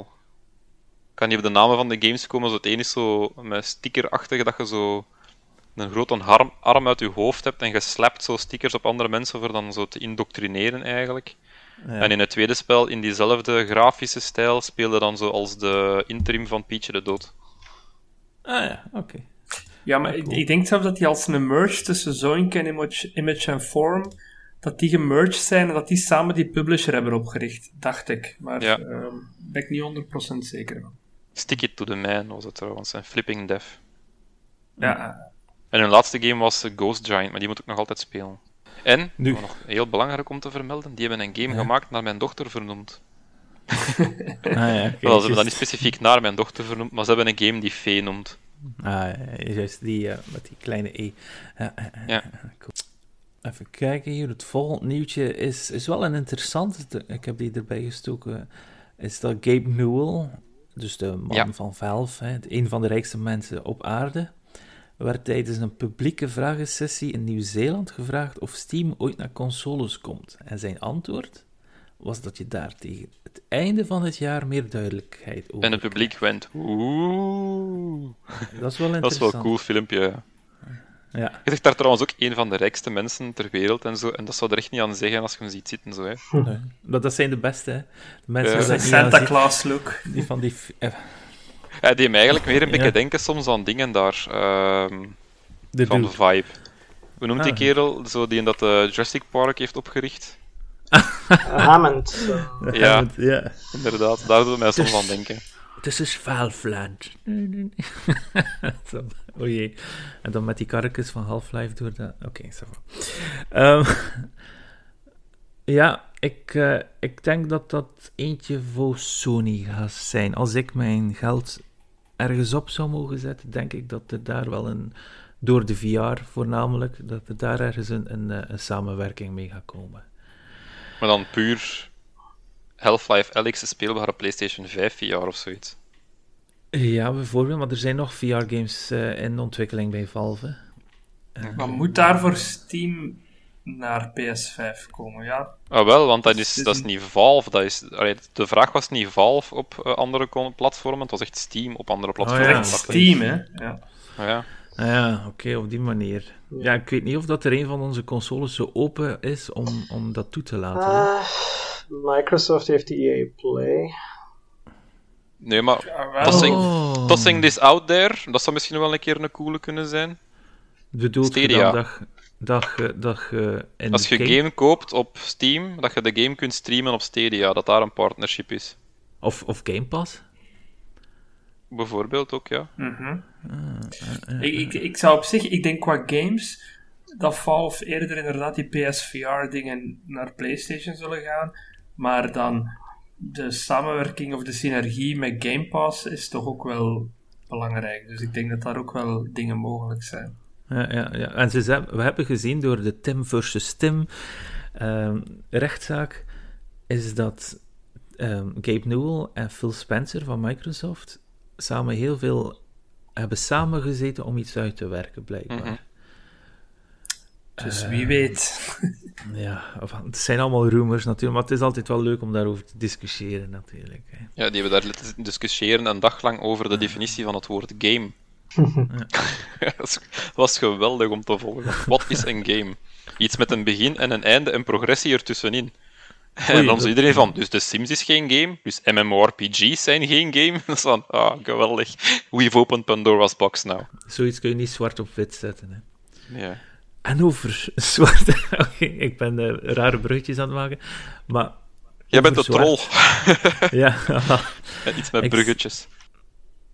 Dus PlayStation 5, nu gaan we over naar het PlayStation nieuws, heeft wat nieuwe kleurtjes gelanceerd voor de controllers. Zwart en rood. Ik heb ze al gezien op foto, ik vind ze heel mooi. Ik vind die witte ook nog altijd iets hebben. Mijn voorkeur, en ik ga dadelijk vragen aan jullie, voor mij is de rode de mooiste van die nieuwe kleurtjes. Wat vinden jullie ervan? Ik vind van visueel eigenlijk de witte het mooist. Maar het heel weinige dat ik er nu al op gespeeld heb, en ik heb er nog met geen enkel andere witte console gehad, kost je op de thumbsticks al zo'n beetje residu zien van je duimen. Zo. En ik vind het echt Oh. verschrikkelijk vies en denk je van, eh, en ik was nogthans mijn handen zo vaak, en toch zie je daar zo rap iets op. Ah, dat omdat die controller zelf zo dat rubberig dingen heeft dan. Ja. Dus dan zou ik voor zwart gaan, puur daarvoor. Ah ja, maar Tim, wat zou jij pakken? Oh, ik, ik ben eigenlijk ook heel tevreden met de witte kleur. Ja. Ik, Voor mij hoeft het... We gaan daar straks ook op terugkomen, denk ik, als we het over de lezersvraag hebben. Maar ik, ik heb niet altijd zo voor heel Ah, veel verschillende kleuren van Juist, de consoles en controllers. R- Ramirez, wat zou jij kiezen? Of ben jij Ik denk dat ik voor de rode zou gaan. eh, puur Ja. omdat de zwarte te dicht is bij ja, de andere Oh. PlayStation controllers. Dus Ja. een kleur die we al gezien hebben. Van de PlayStation 4 vond ik de paarse controller die ze eh, naar het einde toe uitbrachten heel mooi. Ah, die heb ik nooit gezien. Is die een beetje doorzichtig of is die gewoon volledig? paars? Eh, die is paars. Ja, Oké. ja, ik kan een foto tonen. Dan eh, gaan we over naar het volgende nieuwtje gaan. Hè. Geen bruggetje, ik heb er geen kunnen maken. dus voor Tim, zeg ik het. Ja. Wel, het is zo dat er een eh, patent is opgedoken, ehm, waar blijkt eh, dat zo, rond e-sports en betting. Nu is zo, eh, Sony, die heeft, zoals jullie waarschijnlijk allemaal weten, beste luisteraars, eh, Evo opgekocht. Ja. Ehm, en het patent dat nu naar buiten is gekomen, zou hierop betrekking hebben, namelijk dat een platform waarbij dat er kan gegokt worden op e-sport games. Ehm, en hierbij gaat het voornamelijk ook om live betting, waarbij je bijvoorbeeld, om een fictief voorbeeld te geven, kan ehm betten op wie er als volgende iemand neerschiet, bijvoorbeeld in een shooter, of, of, of wie als volgende eh, eruit gaat. Ja. Ehm, met probability reports die weergegeven worden, die op machine learning of AI gebaseerd zijn. Dus die u dan zeggen hoeveel kans je hebt dat het geen, ja, wat dat de verschillende opties zijn en met een zekere kansberekening en daar kan je dan op eh betten. Dat kan toch veel problemen met zich meebrengen uiteindelijk. Hè. Ja, daar ga dus ik mij heel ver van distancieren. Ik weet zelf niet of dat, De- dat in België zomaar actief gaat mogen worden. Nee, waarschijnlijk niet. Maar er is heel veel natuurlijk op dat vlak hè, in België dat niet eh, toegelaten is, omdat wij een vrij goede bescherming hebben tegen kansspelen. Ja. En ik moet ook wel zeggen dat, ik, dat er direct online wel wat backlash tegen was. Dus Ah, het is niet omdat daar eh, een patent over bestaat, dus dat Sony dat idee heeft, of dat idee gepatenteerd heeft, dat daar, ja, dat, dat ook eh, zich effectief in een product gaat uiten. ik denk dat ze het gekopieerd hebben van Smash Bros. In Smash Bros kon je ook coins inzetten op bepaalde AI's en dan kon je daarmee meer coins halen. Ja, die functie is zit niet in de Ultimate versie, geloof ik. Ah, is het waar? Ik, Ik dacht denk ah. dat die in Smash 4 zat, maar dat die er niet meer in zit. Kan mis zijn, kan mis zijn. Maar... Ach ja. Een ander ding dat. Nintendo ehm, ook al een tijdje niet meer heeft, is in de Pokémon games eh, de Game Corner, waar je virtuele slot machine min of meer had. Dat weet ik niet meer, vent. Dat is al Ik lang kan me die herinneren uit de originele game. Ja, maar dat is dan ook. ja, in de originele game kon je dus eh, je had van die slot machines en Ja. een paar andere kleine minigames. En in de remakes van die games zijn die minigames eruit gehaald. Net omdat de EU Ah. vrij strenge wetgeving heeft voor eh, gokspellen. Kinderen. Dan laten ze wel al die kaartjes toe voor, eh, van FIFA en al die toestanden. Ja, Hmm. Ja, spijt. Ja, ik weet niet wat, dat we hiervan gaan kunnen, wat dat er hiervan gaat komen. Misschien is het gewoon een patent om een patent te nemen, natuurlijk. Hè. Dat kan ook. ja, dat is vaak. Normaal. Het kan ook, ehm, ik denk dat de EU en, en, en ook België daar minder problemen mee heeft als de betting bijvoorbeeld niet om geld zou gaan. Het kan ook gewoon een manier zijn om mensen te laten supporteren voor een team of, of te laten, ja, zodat je ook je publiek kan laten anticipaten. Dus Mhm. ehm, wie weet is het ook zoiets. hè. Hopelijk. Dat het wat... Dat zou ik al veel leuker vinden persoonlijk. Ja, Want maar- het, het, stel- het, het maakt een match wel spannend als je kijkt en ook op voorhand kan inzetten op wie je denkt dat gaat winnen. Maar dat hoeft natuurlijk niet altijd per se met puur geldgewin of zo te zijn. Plus, er kan ook veel cheating aan de hand gaan. Hè, dan. Stel je voor dat je gewoon afspreekt van, ja kijk, mijn probability is hier dat ik hier 80% u als eerste neerschiet, maar we gaan dit omgekeerd laten maken en wij wedden samen op eh, de 20%. Ja, dan Mhm. weet je wel, hè. Ja, maar in combinatie met een Evo of zo, dat is eigenlijk wel... Alleen net zoals in een echte sportwedstrijd grote namen die zich gaan moeten laten kennen. Dus ik weet niet of dat zo hmm. evident is. Ja, in de echte bokswedstrijden had je ook grote namen die de floor hitten, hè? afhankelijk van over welk bedrag dat gaat. Ja, zeker en vast. Ik denk wel als Sony het niet doet, dat iemand het wel gaat proberen. En waarschijnlijk zijn er al uh, bedrijven die. Epic zit daar met gesloten papieren. Ja, dat mogen we nog niet tonen. maar op kleine schaal heb je al dingen zoals Salty Bets. Ik weet niet of je dat ooit gezien ja. hebt, Rutger. Ja. Waar je gokt op uh, fighting games met absurde personages die uh, de AI's vechten gewoon tegen elkaar. Ja. Dat was in Mugen. En Mugen is zo'n open source uh, fighting game, waar je alle karakters ooit kan importeren. Dus je kan Goku tegen... Samson. Uh, Samson, ja, laten spelen. En, en, en, ja, en, dan kon, en dan was er op Twitch Salty Bets en dan kon je daarop hokken. En, en met fake geld, gelukkig. Ja, ik denk wel dat je ook credits kunt kopen. Oh, is het waar? Ik denk het wel. Hmm. Oh, we gaan dan niet aan de luisteraar. dan gaan we over naar het Xbox-nieuws. Ik zie hier een hele update dat Bitjaar hier tussen heeft gezet. Heel veel technische parley, maar we gaan dat de volgende keer aan hem al over ja, laten. Buiten dus oplijsten gaan wij daar niet veel kunnen aan bijdragen, denk ik. Nee, voilà. Ehm, maar het volgende nieuwtje is iets van 20 jaar. En ik weet dat Robbie ook wel uh, een Xbox-fan is, dus we gaan dat een keer aan hem laten. Wat is dat over die 20 jaar? Ja, ze, ze, ze 24 jaar Xbox en dan tegelijkertijd ook Halo, omdat dat de launchgame was. Ah, ja. Ik vond het ook grappig dat op de Twitter-account dat onze vriend, Belgische vrienden van Shredders direct daar wisten aan toe te voegen dat Amped ook even oud is. Hun favoriete snowboardspel. Ah, hebben zij dat getweet? Mocht. cool. ja, ja, dat was als antwoord op de main-account. Dat ze dat direct zeiden van... En Amped is dan ook 20 jaar oud, hè. die niet vergeten. Vond dat wel leuk. ja, ja, maar ik ben al zo lang, zo lang ben ik nog niet fan van Xbox. Want mijn eerste ervaring... Ik heb die eerste console volledig overgeslagen. Ah, en enkel de, de enige ervaring dat ik ermee heb was in Dreamland zo'n demo even spelen. En daar stond dan Halo. En ik dacht van, wow, dit is mooi. Maar verder heb ik dat volledig uh, geskipt tot in 2008 als mijn vrouw mij een 360 gegeven heeft voor mijn verjaardag. Ah. Maar uh, om dat te vieren is er dus vanaf nu tot helemaal in augustus heel wat dingen te doen. Dat ze gratis dingen gaan weggeven, zoals ze wel graag doen. Uh, er gaat ook weer een Xbox Fanfest komen met daar nog meer informatie over. En ik raad iedereen aan om daar online op in te schrijven. Op mm die website, want die gaan waarschijnlijk wel veel goodies geven, alle gratis games en zo, gratis merch. Uh, ze hebben trouwens ook al een Hanse store gemaakt met dan zo 20 years of Xbox dingen dat je kunt kopen. Ik heb me al direct een pul besteld en een case voor mijn gsm, omdat er een kortingscode was die heel beperkt geldig was. Oh, dat is wel cool. Ja, ja, ja. en ook zo niet in-your-face uh, Xbox, zo niet zo het logo gigantisch groot op je borstkas of zoiets, zodat je, want dat, dat draag ik dan niet naar game-events, want dan moet je daar niet gaan praten met Nintendo en Playstation of zoiets als je een Xbox-pul draagt. Nee, maar gewoon zo'n fanfest dat erop staat, en dan zo in het klein Xbox erbij. Ja, dat is, dat is nog subtiel genoeg. Ja, nee volledig akkoord. Maar dus daar gaan we doorheen het, uh, de, de, tijd van het jaar nog meer over horen, denk ik. Ja, sowieso. Het, is nog niet het enige dat ik kan meegeven is, schrijf je zeker alleen op de website voor de gratis dingen die we gaan krijgen in de loop van de komende maanden. Ja, juist. Oh, die fanfest. Oh, als je je inschrijft op een website, volledig gratis, en het is... Uh, ze vragen u al direct achter uw adres en uw t-shirt maat, dan weet je van, oeh, interessant.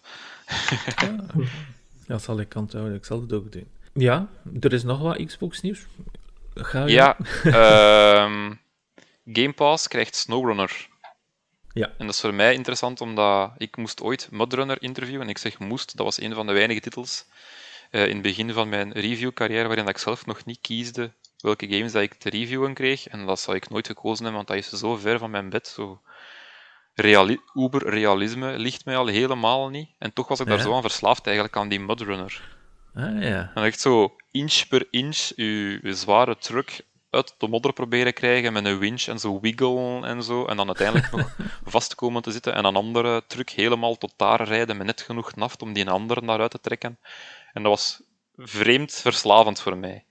Dus ja. SnowRunner op Game Pass ga ik toch zeker eens proberen. Dat moeten we zeker proberen, ja. ja. Ja. Ik heb er, En dan zie ik ook is- dat Dungeons and Dragons Dark Alliance daar naartoe komt. Het is een vier co-op game, wat dat je samen bazen en een beetje een Dark Souls-achtige stijl moet verslaan. Ik zeg wel Dark Souls-achtige, het is natuurlijk wat vier, met 4 tegen 1 en het is ook wat meer, meer cartoony, omdat het in de Dungeons and Dragons wereld afspeelt natuurlijk. De enige game dat ik daarin gespeeld heb in die Dungeons and Dragons wereld is Neverwinter. Die een MMORPG. Ja, Dungeons and Dragons dat is ook zoiets gigantisch groot is, hè. die die en Ja, toestand. Van Wizards of the Coast.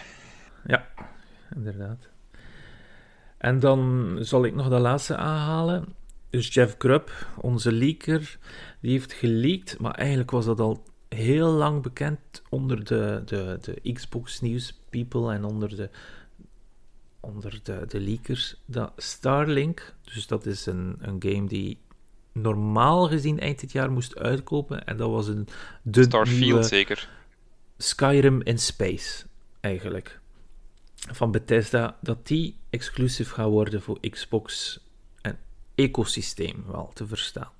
Dus dat betekent PC, alles wat dat je via Xbox kan spelen, gaat het exclusief op zijn. Dat was eigenlijk al te verwachten, maar veel PlayStation en mensen die niet van de Windows Store houden, denk ik, die zijn daar toch wel heel negatief van aangetast. Maar aan de andere kant, het was toch wel ergens te verwachten dat Bethesda onder de Microsoft, eh, onder de Xbox-naam, ook wel heel veel exclusief gingen uitbrengen natuurlijk. Ze hebben niet voor niets zoveel biljoen, hoeveel was het? 5 biljoen, 7 biljoen op tafel gelegd voor Bethesda, om die dan multiplatform te houden.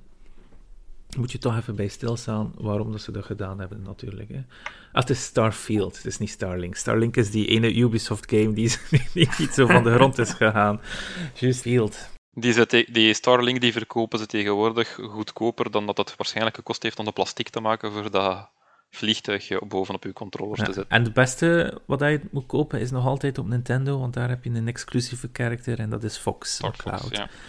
Ja, dus, eh, maar goed, dat is nu weer helemaal even terzijde. Maar nu Over dat Nintendo gesproken. zijn- yes.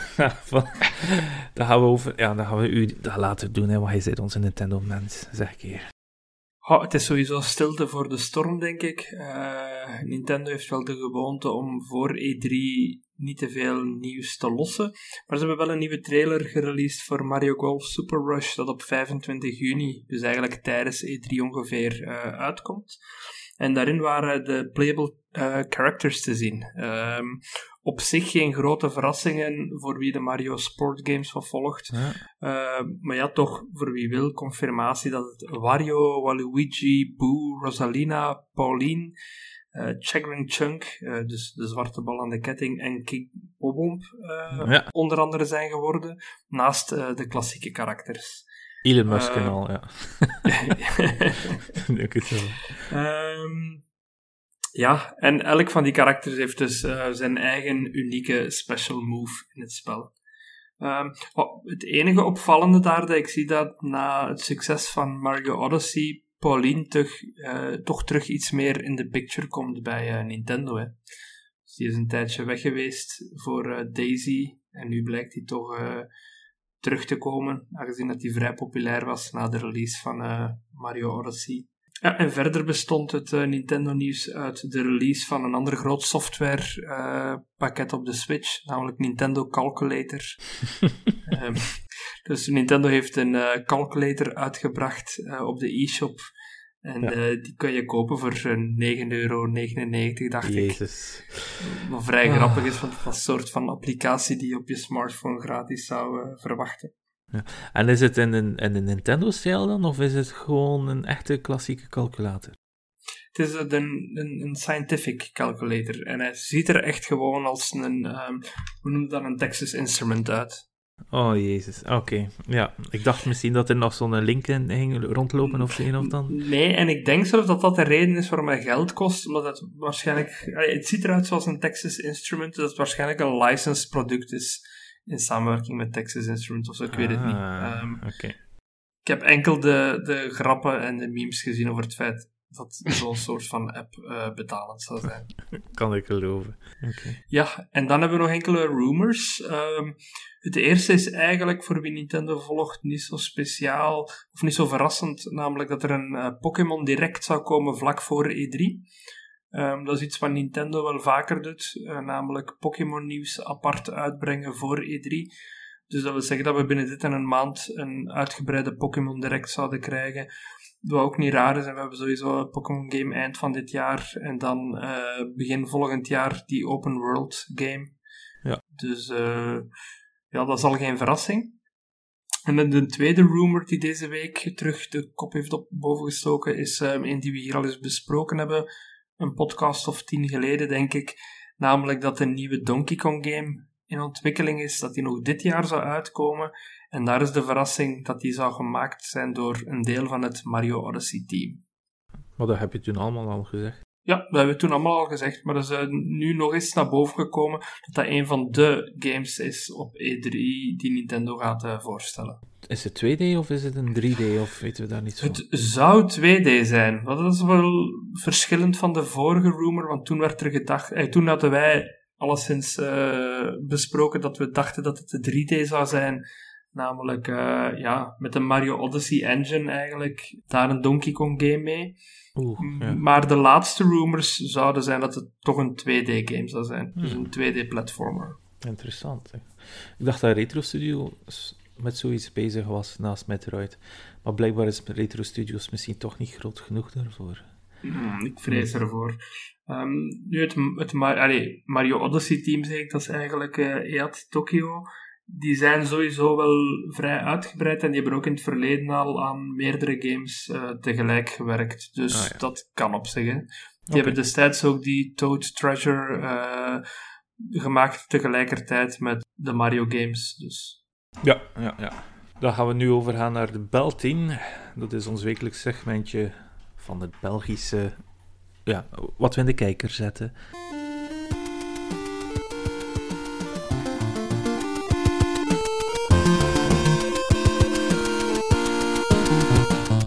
Dus ik wou dat het nieuws eigenlijk vorige week al zeggen, maar het was toen nog net iets te vroeg om te delen. Uh, Appeal Studios is uh, opgenomen geweest door THQ Nordic. Ja, Die gaan daar deel uitmaken van de Embracer Group. oké.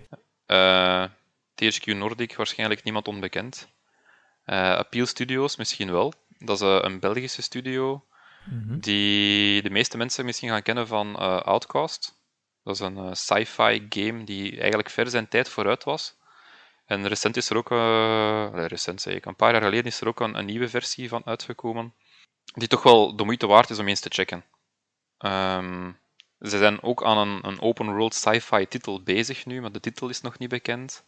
Uh, niemand weet welk project het is, maar dat is dus een van de redenen waarom THQ Nordic overgenomen is om aan die game te kunnen verder werken. Dus dat zal waarschijnlijk wel uh, eens hoge ogen kunnen rollen. Uh, ik weet niet of er mensen fans zijn van Fort Boyard, zo dat reality show tv-ding, waarin dat ze zo op dat groot eiland, of wat is die, dat, die gevangeniseiland en zo dingen gaan uitspelen ja, ja, tegen elkaar. Daar hebben zij ook een, een game voor gemaakt. Ah ja. En dat is trouwens een redelijk grote studio, die zijn met 55 man. Uh, ja. Wat ik van toch van verschoot. Ik vermoed dat die ook vaak met servicewerk bezig zijn. Maar er zijn dus dan twee titels bezig: die open world sci-fi game en dan nog een onbekende game uh, waarvan ik al eens had horen vallen dat dat een bekend IP was. En een, misschien wel een bekend Belgisch IP. En ik weet niet of dat jullie iets durven speculeren of zoiets, maar ik denk dan bijvoorbeeld direct aan Kuifje, omdat dat wel een internationaal Ah, appeal ik- heeft. Hehe. Ik denken aan een Bicky Burger of... Ja, nou, nou, moest moest het, uh, dat, is, dat is de titel dat ik het meest met, of mijn geld zou opzetten eigenlijk. Moest ik gokken, is Kuifje en Tijn dus, uh, omdat Ja, daar wel ja, ja. iets mee te doen valt. Ja. Uh, maar dan die sci-fi open world ding, maar dat is waarschijnlijk een ander project, dat doet mij weer denken aan Storm. Ik weet niet of dat jullie die comic kennen van Belgische Die bodem, maar dat is zo...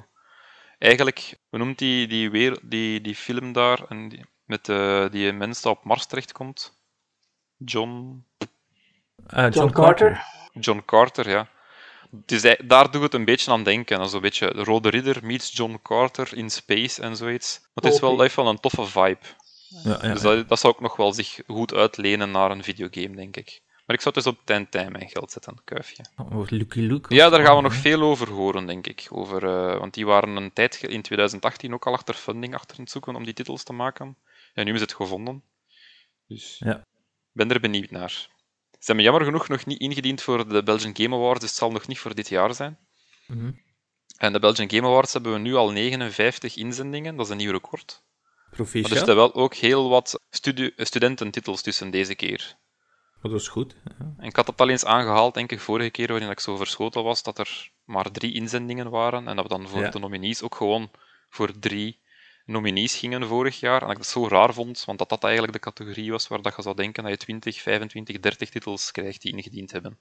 Ja, ja, ja. Maar nu beginnen de scholen er zich eindelijk achter te, te scharen en in te zenden. Dus dat wordt een interessante categorie om te bekijken dit jaar. En zit er daar ook een, een soort van eh, geldprijs aan gebonden dat de mensen krijgen? Of is het gewoon voor eh Dit jaar weet ik het eigenlijk nog niet welke prijzen dat ze gaan doen, want vorig jaar hebben wij die geregeld binnen Kronos. Ja? Ehm, en dan wij gaan ook gaan onderhandelen. En dat je bijvoorbeeld Amplo, en dat was dan eh, een werk, een- iemand dat interim doet in de creatieve sector of zoiets, en die sponsorde dan een prijs. Of je had eh, Xbox dan een prijs weggaf, een fysieke Xbox of zoiets. Ah ja, oké. zo. Dus Ja, dat, dat was wat verschillend afhankelijk van wie dat welke award sponsorde, wat dat de prijs was dat mensen krijgen. Maar eigenlijk doe je Ah, het ja. daar niet voor, en is het voor de, voor de ere dat je de, de, een award gewonnen hebt. En dan kun je dat Ja. digitaal embleempje showen op je eh, Steam-page en zo van hey, ik heb dit jaar de Belgian Game Award gewonnen in die categorie. ja, ja, oké, ik snap het. Ja. Maar het is en er zijn ook leuk wel trouwens altijd leuke ehm, fysieke awards geweest, die trofeeën. Eh, het Ah, eerste ja. jaar dat het georganiseerd werd, in 2016, daar hadden wij niks mee te maken. Toen was het of Lega, Walga, Flanders DC en zo, denk ik, dat het georganiseerd heeft. En toen hadden ze effectief in, in het hout gemaakte werkende controller gegeven. En als je naar de Belgian Game Awards site gaat, als dat logo is zo een B met zo de vier eh, knoppen in en het eh, D-pad. En dat was gewoon een werkende controllerversie daarvan. Dus die was wel cool. Eh, het, jaar, het eerste jaar dat wij het georganiseerd hebben, was het een niet werkende, maar wel bewegende joystick. Op een, een massieve blok. En dan vorig jaar was het ook weer zo'n joystick, maar dan in zo'n houten ding. Maar ik vond die awards wel altijd heel leuk. Hmm. Oké. En ehm, als laatste heel klein nieuwtje heb ik gezien dat Sizable, een van mijn favoriete indie games dit jaar, en ook van Belgische bodem, waarin dat je zo voorwerpen kan krimpen of groe- doen groeien voor puzzels op te lossen, Ja. die komt er met een nieuwe DLC, die Among the Stars heet. Ah ja. Maar, Dus daar kun je gaan snel raden al. dat we een beetje hemellichamen gaan kunnen doen groeien en krimpen. En het is ook heel leuk aan die uitbreidingen, is dat die allemaal gratis zijn. Dus ik, ik- heel chapeau aan die kerel om zoveel ideeën daarin zijn puzzelgame te steken. Want puzzel, het is, ik, vind, ik denk dat puzzelgames ontwikkelen toch wel moeilijker moet zijn dan een simpele Metroidvania. Om- Ja, niet denk het simpel, ook. Maar, dat je daar Maar hij lijkt wat- nu wel zijn drive gevonden te hebben. De, de mechanism Ja. werkt al waarschijnlijk en de spine dat je nodig hebt voor alles te doen werken. En nu is het vooral op de creatieve ideeën komen, denk ik. Ja, van- ja, ja. Hoe kunnen we dat nog doen? Want hij speelt daar echt wel heel leuk mee. In de, de bestaande puzzels hebben zo de maan doen groeien en krimpen. Heeft dan een invloed op de eb en vloed van de ja. wereld en zo. Dus dat is echt Ja. fantastisch. Zeker een aanrader voor iedereen om die eens te testen, die game. Sowieso. We hebben dat al vaak aangehaald, maar we, we gaan het nog meer aanhalen ook. Ja. Oké, merci. Robbie, ja, opnieuw, hè, zoals altijd, voor de bel 10. Ons, een van onze tofste segmenten, moet ik wel zeggen. Maar nu gaan we over naar de luistervraag. En omdat Donny de vorige keer onze gast was, wat is je favoriete console-variant, hadden we toen gesteld. En we hebben weer overal wat reacties gekregen. En op, maar we gaan er maar een paar uithalen dit keer. We gaan ze niet allemaal opnoemen, we hebben er ietsje te veel daarvoor. En Wat hadden we op Twitter voornamelijk, Robbie? Ehm, Miva 2 had daar die, ehm, die metalen slime van eh, Dragon Quest gedeeld, die ik wel tof vond. Zo vrij subtiel, maar toch wel tof gedesigned. Ja, En niet dat phrase-. Ja, Ja, en dat phrase had de Darth Vader versie gedaan. die is ook wel... Ja, er zitten wel leuke touchjes in. Zo gelijk dat je zo Star Wars, Star Wars, Star Wars repeated het in de achtergrond en zo. En eh, dat zo de face-buttons, driehoekje, vierkantje, X, zijn allemaal gewoon zwart en grijs. En dan zo enkel de O is zo'n rode cirkel. Dat vond ik ook wel een coole touch. Ja, ja, ja, ja, ja, die, die, ja, sowieso. Tim, hebben, op, heb je al wat kunnen uitkomen op Discord wat het allemaal antwoord is? Want het was redelijk Ja, we- veel antwoorden. Er waren redelijk veel antwoorden, maar ik heb er drie uitgepikt die ik zelf wel eh, leuk vond. Eh, de eerste is van Thunderbird One. En dat is een, eh, een classic, denk ik. Namelijk de paars doorschijnende Game Boy Color. Ehm, dat is een, een heel bekende. Ehm, ja, maar dat maakt hem ook een, een heel classic variation, color variation. Hè. Ehm, en dan had Biller ook een heel leuke, wel een dure. Namelijk de New 3DS, die is uitgekomen met verwisselbare Hanafuda plates, wat natuurlijk verwijst naar de history van eh, Nintendo. Ehm, en Petsor, eh, die had dan een heel recente, namelijk een cardboard Nintendo Labo Switch. Ja, die had ik nog nooit gezien. Die zag Ik had die ook nog nooit speciaal gezien en die zag er heel leuk uit. Ja. Ja, ja. Was die niet gewoon... ah, Ik, die, ik vond het raar dat die be- zo zeldzaam was. Was die niet gewoon beschikbaar om te kopen? Mogelijks, maar ik had, hem, wel- ik had hem zelf nog niet gezien. Dus, eh. Misschien is die gemak van karton. Ik weet het niet. maar het is alleszins die look, hè, dus ja. ja. Ramirez, heb jij eruit gekomen bij de eh, Facebook van ons eh, voor de Ja, antwoorden? eh, ja, voor Ja. mij toch ook een stem voor de eh, Crystal Clear paarse ehm, Game Boy Color. En deels ook voor nostalgische redenen, ik geloof. Dat was de Game Boy Color die ik had toen ik Ah, ja. 12 was. Ja, ja, ja, ja, ja, dat is van En jou. in het algemeen ben ik wel fan van de doorschijnende consoles. Mhm, Ja, dat snap ik. Dat is ook een van mijn favorieten. Ehm, op onze Facebook even kijken, want hadden we ook heel wat reacties zo te zien. En dat was eentje van Jan Plaski. Ik was destijds onder de indruk van Millennium Falcon Xbox mod. Verder verkies ik propere zwarte of witte consoles. En bij handhelds moet het, uit, het uiterlijk zo neutraal mogelijk zijn dat het scherm de focus blijft houden. Ik heb dat al eh, gezien van die Jan Plaski. Die, eh, die houdt het graag netjes, heb ik al gezien. Eh, Tim Poelman die eh, heeft het over de PlayStation 4 Limited Pro 500 Million Edition. Spijtig genoeg nooit aan eentje geraakt. En dat is inderdaad een hele vette PlayStation. Dus een beetje doorzicht- doorzichtig blauw. Simon zegt een Seaman Dream- Dreamcast console. En de 3DS XL van Monster Hunter 4 was wel nice. Ja, en dat heb ik nog gesteld op een andere groep. Maar die antwoorden ga ik nu even terzijde laten. Maar ik had daar wel de Sekiro Xbox en de Sekiro PlayStation 5, eh, 4 van ontdekt. En die moet je echt eens opzoeken op console variations. Want die zien er heel, heel, heel sterk uit. Nu, van mezelf, ik zal even beginnen met mij dit keer. Is het eh, een, eh, de PlayStation 4 20th Anniversary Edition. Ja. Ik weet niet of dat Die heb ik geprobeerd om te kopen, ja. Die kon je winnen, die kon je niet kopen. Ah ja, dat proberen meedoen alleszins. Ja, ik Ik heb kan me, de, ik kan me vooral de teleurstelling herinneren, ik zal het zo zeggen. Ja, ja, Ik- ja. ik- herinner me dat ook ik- heb ook geprobeerd toen. Oh, ik heb u niet gezien toen tijd. Ramirez, ik heb gewonnen. Ik, ja, herinner ehm, ik mij nog. Ja, dat was eh, heel toevallig. Dus ik heb meegedaan in Gent. Dus het was overal. Het was in Kortrijk, Gent, Leuven en nog, andere, en nog andere steden. En je moest verkleed zijn als een PlayStation-karakter. Maar ik en mijn beste vriend hadden het toen opgegeven. Achter twee keer rennen. En ik heb mij gewoon gezet op de markt en ik wou een frietje eten. ja, als het... Ja, frietjes brengen mij ook vaak geluk. en op een gegeven moment zeg ik tegen zie ik daar iemand zo heel verdacht aan de overkant. En dat was op nog geen 500 meter. Zag ik hem zo links en rechts kijken. En ik zeg, wat doet die kerel nu? Die kijkt wel heel verdacht rond zich heen. En hij had zo'n zwarte bomberjacket aan. En eh, ik was mijn frietjes aan het eten. En ik zie dat hij binnen gaat. En hij, hij gaat zo zitten. En ik, ik loop er al naartoe. En Ja, heel, heel erg om dat al te doen natuurlijk. Mhm. En eh, ik refresh mijn gsm, want dat was via een app dat je hem kon winnen. En op een gegeven moment, ja, was die refresh en was hij in de buurt. Ja, en ik ga gewoon naar die kerel. Die kerel doet net zijn jas uit en er staat Sly Cooper op zijn t-shirt. Ja, en ik, je moest dan zo een antwoord zeggen van een PlayStation-karakter. En dan had ik hem gewonnen. En toen zag je Ja, al die mensen aanlopen. Ik heb alleen maar meegedaan met de online equivalenten. Ja, Ja. Ah ja. En ehm, het grappige is, ik had mijn frietjes En ik zei tegen mijn maat, hier, eet jij maar mijn frietjes verderop, ik heb genoeg. en toen erachter heb ik nog altijd, hebben we nog altijd vaak gelachen. En zeg ik altijd, ja Simon, je weet het hè, ik eet toch altijd mijn frietjes op. Als, dat niet, als, als ik dat geef van jou, dan klopt er absoluut iets niet, hè man. en dat, is- ja, dat is zo'n running joke tussen ons nog altijd. Ja, en zo heb ik hem gewonnen. Maar ik heb hem ook eigenlijk nog geen halve maand later verkocht. Want ik, die, die consoles heb ik verkocht voor 4000 euro. Ja, daarvoor kun je een paar Ah. andere consoles kopen.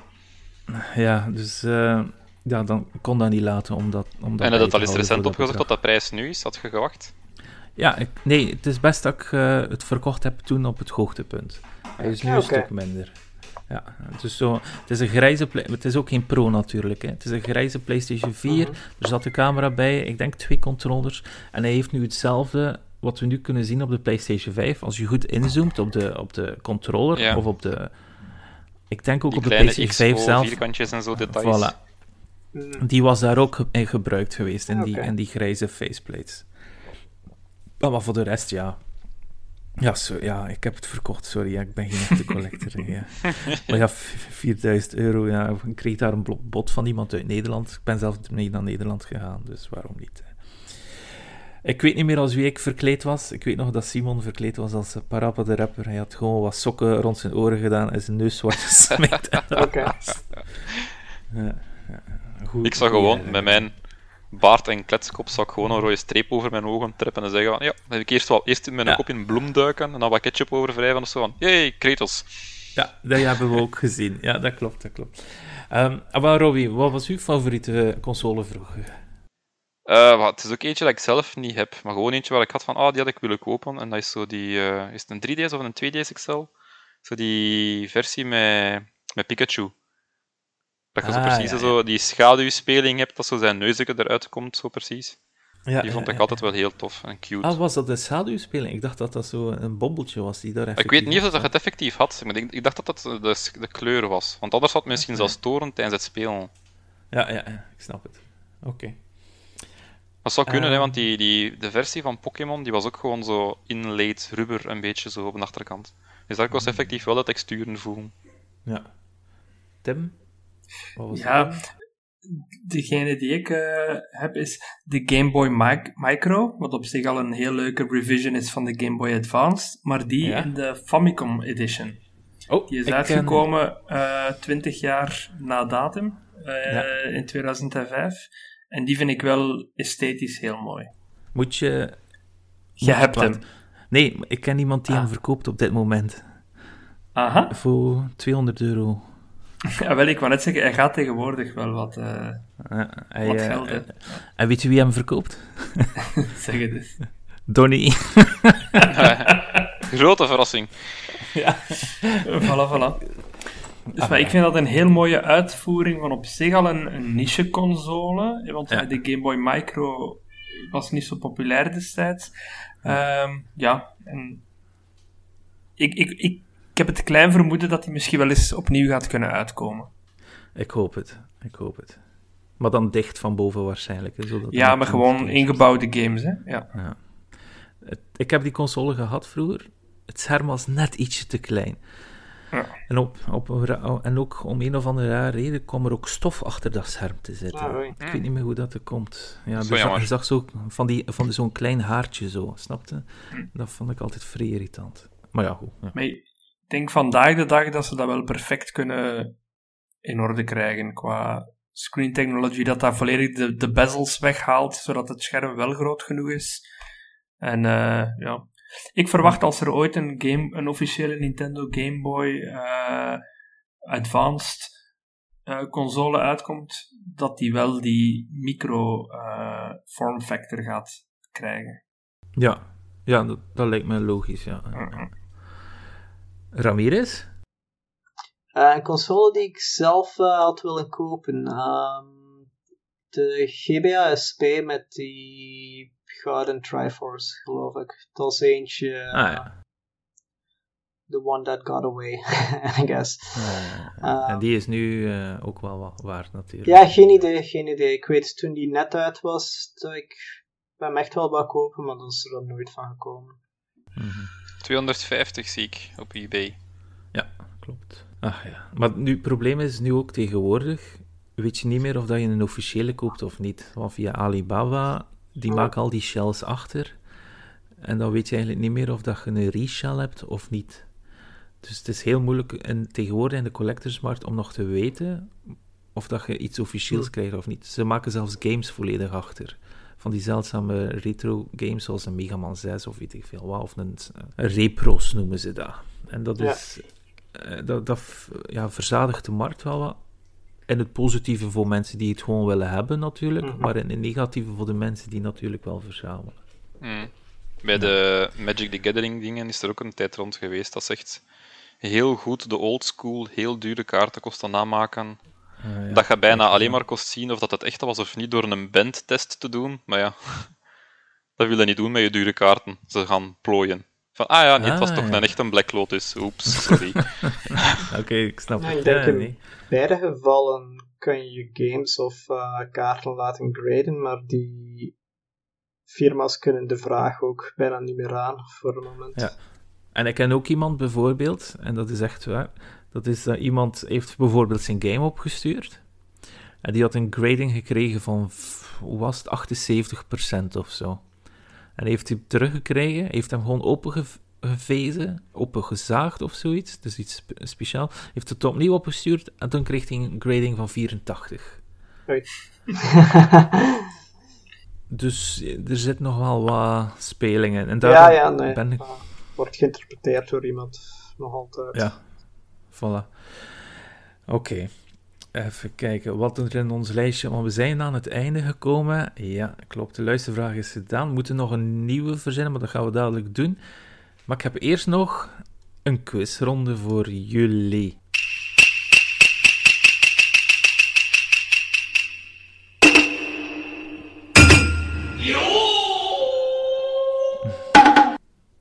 Dus, een nieuwe quiz. Omdat we weer een gast hebben, ga ik weer een vraagje stellen dat we ietsje meer in zijn voordeel is natuurlijk. Het is jammer genoeg niet van Nintendo, maar ik ken Ramirez redelijk goed. Het is, de vraag is, strips of comics die uiteindelijk een game hebben gehad. Dus de oorsprong moet liggen bij strips of comics.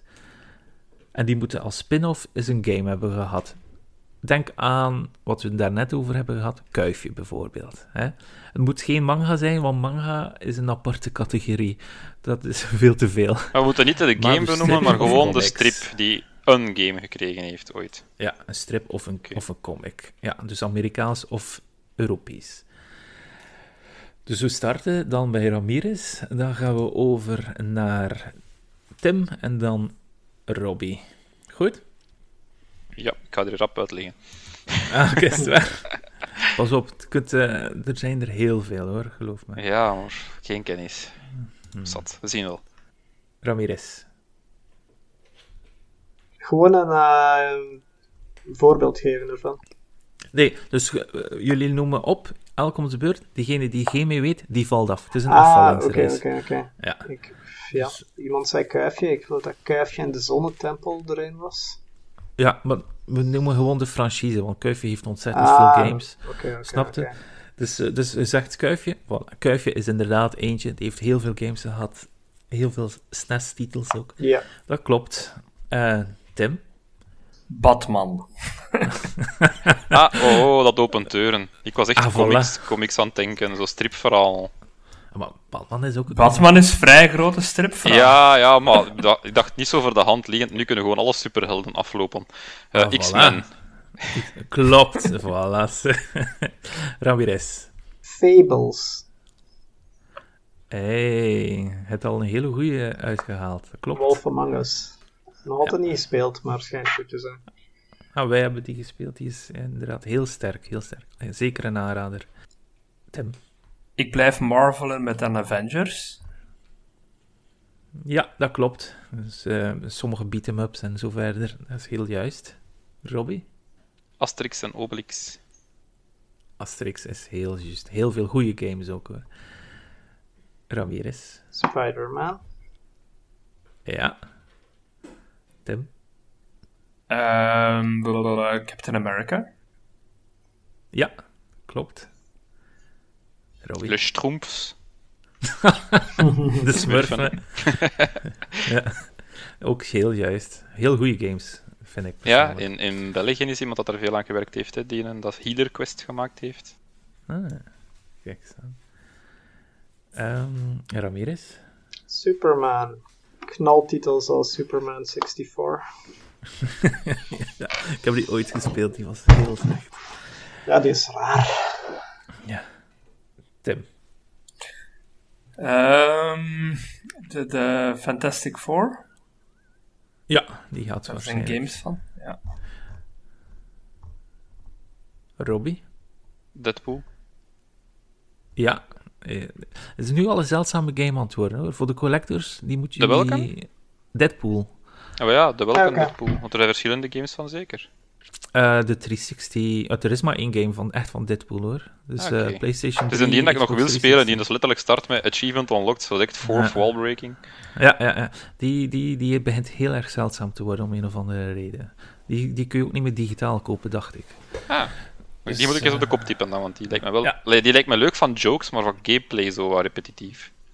Hmm, ik heb wel positieve dingen er altijd van gehoord. Maar ja, Robbie is het weer aan Ramirez. Wolverine, tenzij het onder eh, X-Men valt ook. Nee, dat is een eigen Wolverine game. is- Ja, die Een hele goede game. Ja, die was best goed. Die was eh, beter dan de film waarop die gebaseerd Ja. was. Inderdaad. en Deadpool zat er ook in, maar dan de slechte versie. ja, dat wel. Tim? Eh, ik blijf bij Marvel gewoon, hè. Eh, Iron Man VR, denk ik dat daarvan is. Ja, op PlayStation. Ja. Heel juist. Ja, Wij, wij haten bij Mantis Game Iron Man VR. Nou, hoe kom Wij, in 2018, als we naar Gamescom gingen, of 2019, eh, waren wij genomineerd voor beste VR-game. En dat was Ah. tegen hun. En dat was van, ja, oké, dat hebben we verloren. Op voorhand wisten we dat al. Ja, logisch. Ja, ja, ja. Oké. Ah, mijn favoriete comics van vroeger, Garfield. Er is een kartracer van. Hey, er zijn heel veel games van Garfield, hoor. Niet alleen de kart race. Ja, dat is de enige dat ik amusant vond. De rest Ja, heb ik niet maar- gespeeld. Heel juist, goed gevonden. Ik was er een heel grote fan van. Oké. Ramirez? Dilbert. Wat? Burr? Dilbert, waarschijnlijk ook wel een game van dan. Ah ja, ja, die, die office jokes, zo, van die ja, office maar ik comic weet vorm. niet of dat die echt goed zijn. Eh, Dus maar ik, ik, ik, ik zit op Wikipedia onder de videogames based on comics en hij staat er niet tussen bij de D. Ah, Je hebt nog een kans. Je mag van mij nog een keer Oké, proberen. oké, oké, oké. Dus even ook, ehm, is er een game rond Watchmen gemaakt? Ja? Dus niet... Ja? Ja, wacht, ja, ik dacht wel, ik dacht dat het zo'n 360 downloadable titel was, maar kan ik je gaan naar de Ah, W? cool. U, dat was zo'n dat was zo'n brawler. Wat is het? Watchmen The Geen End is Nigh. was wel ja, tof. Watchmen Ja. The End is Nigh. Ja, Episodic part- video game series. Yes. Op de PlayStation 3 en de Xbox 360, ja, ik herinner me die wel ergens. Oké, nee, heel juist. Maar dat was ook de enige Watchmen game. Dat is wel interessant. Zou nog een goede serie worden. Tim. Scott Pilgrim. Ah, it. Hey. Die had, ik, die had ik juist opgeschreven, van die nog dat- zeggen. dat is inderdaad juist. Dat is inderdaad... Maar ja, is dat een manga of niet? Hè? Dat is de vraag. Maar oké, va. we gaan hem tussen de Die heeft toch een physical print gehad, origineel? Ja. En dat is, is dat niet westers? Ja, toch? Ja, dat is, ja, dat is Westers, Westers sowieso. Oké, Scott Pilgrim. Robbie? De, heeft er iemand al Turtles gezegd? Oh, ja, Nee. natuurlijk. Nee, Tuurlijk. Turtles is Ja, heel natuurlijk. juist. Ramirez. Ja, ook niet. eh, ook een voorbeeld van eentje die niet echt bekend is van de comics, maar eh, Power Rangers heeft best wel goede comicsreeks voor het moment. Ja. Ja, ja, klopt. En ja, dat is juist. Maar is dat je antwoord? Want Power Rangers is niet begonnen als strip, hè? Nee, maar Watchmen. Ja, Watchmen wel. Oh, Wat zei ik nu? Ja, oké. Ja. Ja, het is Ik ga dat wel knippen, ik ga dat wel knippen. Ik ga maar... Begonnen als strip, ja. Mo. Hulk. Ja, Hulk is heel juist. Ja, voilà. Tim. Eh, ik weet niet zeker wat enkel alleen begonnen, maar het is zeker een strip ook in Sam Max. Dat staat hier tussen in die lijst en ik, ik wist Is het dat een strip geweest? Zo'n... eh Ja. ja, ik zie dat nog wel als zo... Newspaper cut-out, gelijk Garfield ook en zo. Dat was een detectieve, allee ja, achtige strip ooit. Ja, inderdaad. Ik had, ik had daar geen idee van. Ik wist niet dat dat begonnen was. Daarom zei ik mocht daarnet. Oké, Robbie. Nu ben Eh je... Snoop, Snoopy. ja. Ja, weet dat ik aan Garfield dacht en dat, hè. ja, Dat had ik op eh, Commodore 64. Was hij een van mijn... Waarschijnlijk heel slecht naar vandaag zijn normen, maar toen een van mijn favoriete games. Ah ja, kijk. Ik heb dat ooit eens gewoon zien liggen in de bargain bin bij Game Mania. Ik dacht van, een Snoopy game op 360. Oké. Ramirez? Uh, 100 Bullets is next. Is um, Oeh, iets obscuur. Die ken ik niet. Dat is dat? een comic over uh, Hitman. Hmm, staat niet in het lijstje. Huurmoordenaars. Ah, is nooit uitgekomen. Ah, oei. Dat was in Oh. ontwikkeling en is nooit uitgekomen. 100 bullets. Ja, inderdaad. Ai, maar ik ga je geen tweede kans geven. Ik ga je Ja. geen derde kans Nee, geven. dat is goed, dat is goed. En ik weet nogthans, je houdt van quizzen, hè. Ja, ja. Ah. Tim, Eh, Suske en Wiske. ik denk dat er daar wel games van zijn. Ik, van die, Sowieso. Ik heb nog Ja. gespeeld. Ja. Ah ja, Bob et Bobette, om te leren, of Frans te leren, heb ik zelfs. Ja, ja, juist, juist, juist. Ah, wel, en in die categorie zijn er heel veel dingen dat ik zo twijfel van, telt het als game, maar... Van, moet het een fysieke release gehad hebben ooit of zo, in die tijd toen dat nog niet common was? Ja. Want dan zou ik bijvoorbeeld dingen zeggen, eh, game over, dat is ook met Kid Paddle. Ah ja. ja. Want ik was er hier achter aan het zoeken terwijl van Game Over. Ik heb daar ooit een game van gespeeld. En ik vind het Op, eh, nergens terug, maar ik ben er zeker van dat ik een game gespeeld heb daarvan. Dat, Maar dan was niet begon ik zo te DS? denken van, zat dat niet in die dozen van Kellogg's zo? Want daar had ook veel van die Ah, IP's ja, ja. dat we zo van die minigames hadden. Ja, Leo. ja, ja. Ehm, Nog Leo minigames gespeeld. Op diskette. ehm, game over staat wel... Ik zal mij anders houden gewoon aan, aan het Wikipedia-lijstje. Snap je? Dus die staat er niet tussen. Maar je krijgt een tweede kans, zoals Ramirez Ja. geweest daarnet. Geen Kellogg's games, got it. Eh, hebben we Injustice al gezegd? Nee, ze hebben dat nog niet gezegd. Klopt, heel goed. Dat is een Justice League game in feite. Ja. Tim, Die strip is trouwens geweldig. ik heb hem nooit gelezen. Ah, de beste representatie ooit van Flash. Nou ja. Met zo van eh, Superman dat Flash zo met een of ander communicatieding doet van je moet hier komen en dan zo in drie panels van aisle en hij zit nog zo zonder kleren in zijn sofa, B en hij is aan het lopen over straat, there en hij staat daar. Ik vond dat prachtig. Van, Oh, geweldig. Tim? Heb Ik weet dat? DuckTales bestaat als strip, maar ik weet niet wat dat van oorsprong een strip is. Goeie vraag. Denk het wel. Zo die... Wel, ik Zelfs heb- nog in, in de tijd van dat ze nog niet inkleuren en dat je van die grote bundels had met Ah, wel, ik heb is dat dat weer... nog gehad. Ik heb dat nog gehad in strip, Ja. ik weet niet wat dat... Ja, of dat eerst kippen of het ei. Eerst, ik denk eerst strip in zo, al dat dat begonnen is in dat Donald Duck magazine. Ja, Ja, Ja, dat dacht ik ook, maar ben niet zeker. Don Rosa en zo. ja en, en Dagobert Duck natuurlijk bestaat Ja. ook al heel lang. hè. Ehm, ik ga het goedkeuren. ik vind dat een goed antwoord. Ook al staat het niet in de lijst, maar ik vind het heel goed antwoord. Robbie? Eh ligt vast. Zit je vast? Ja, ik ga ook gewoon op Jommeke, maar ik weet niet of er een game van gemaakt is.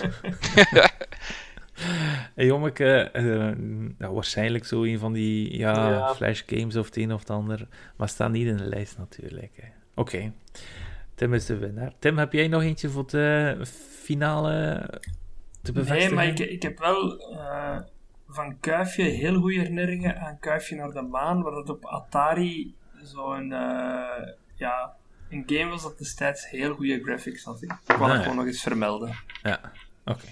Ik, ga, ik ga er hier nog een paar vertellen tijdens het scrollen. Een Blade, een Bone, Hm. een Catwoman, een Ah. aparte game. Even kijken. Een Daredevil. Een Flash natuurlijk. Tennis de Menace op de SNES. Ah, Oké. Ja. Een Dick Tracy, uiteraard. En de Flash zelf, ja, dat heb ik net gezegd. Garfield. Ghost Rider, blijkbaar. Heavy Metal. Judge Dredd. Mm, Little Nemo, The Dream Master. Hoe is dat een comic? Ja. Ja, ja, uit de jaren 30, denk ik. Man in Black, wat? Mo. Is Man in Black een comic? Dat wist ik niet eens. We leren nog iets bij. The Mask. eh, ja, ik weet niet of dat nog verder. Ragnarok, van de Ragnarok Online. Blijkbaar is zelfs geen manga. Heel vreemd. Ah, Oké. Mm, Spawn. Spy vs. Spy. Teen Titans. Ja, er zijn er nog redelijk was. hè. The Tick, Time Cop, eh, Turok. Ik wist niet dat Turok... Jezus. Ah ik ja, denk dat die als comics alleszins al vrij obscuur zijn. en Waarschijnlijk. Young ja. Justice. Oké, nee, dat was het uiteindelijk. Young Justice. Nu zit ik wel met dat deuntje Laat- terug in mijn hoofd, dankzij dat je Spy vs. Spy gezegd hebt. Want dat was vroeger bij mij een screensaver op mijn Windows 95 computer. Ah, kijk. Hoe, nu moeten we nog een nieuwe vraag verzinnen voor het publiek. Ehm, Laat anders Ramirez eentje bedenken. Ah, Ramirez, heb jij een vraagje voor de luisteraars? Dat is lastig, hè? Ja, ja. Beste mm, van mm, werkt meestal als platform. Als formule. Favoriete eh, Super Nintendo RPG? Wow. Oeh, favoriete Super Nintendo RPG. Oké, nee, dat is, dat, is, eh, dat is goed. Dat is goed. Dat is goed. Dat wordt dan de vraag voor de luisteraars de volgende keer. Ik ben benieuwd naar de antwoorden, want er zijn er redelijk veel uiteindelijk. En wat is de uwe? Want je gaat er de vorige keer, volgende Ah, keer niet bij zijn mij? natuurlijk. Is dat nog altijd Chrono Trigger? Ik vind dat spel is nog altijd, als je dat vandaag speelt, nog altijd even goed. Ehm, Ja.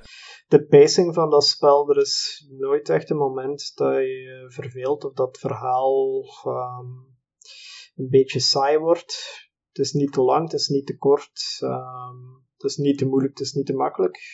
Ja, Ja. het blijft een van mijn En dingen die zelfs vandaag nog modern aanvoelen ook.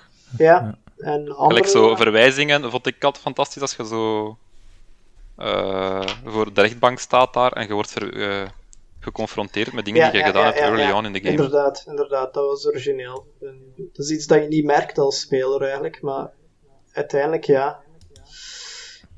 Ja. En runner-ups zouden Final Fantasy VI en Tales of Fantasia zijn. Oké, alright, goed. Merci, Ramirez, om erbij te zijn. Geen probleem. Ehm, dan eh, gaan we afsluiten natuurlijk. Hè. Robbie, waar kunnen we u volgen? Jij vindt me overal als at Bloody Good Reviews. Yes. Tim? Eh Ifunk of Ifunk DMD. Ramirez heeft niet echt social Nee, media, dus eh, social media pech. Eh, mij kun je volgen op @rutgeknudde. Bitkroeg kun je altijd volgen, liken op alle sites die in de link staan, dus Facebook of Twitter en zo verder. Zeker doen. Bedankt om het luisteren allemaal en tot de volgende natuurlijk. Hè. Salut hè. Tot de volgende. Yo.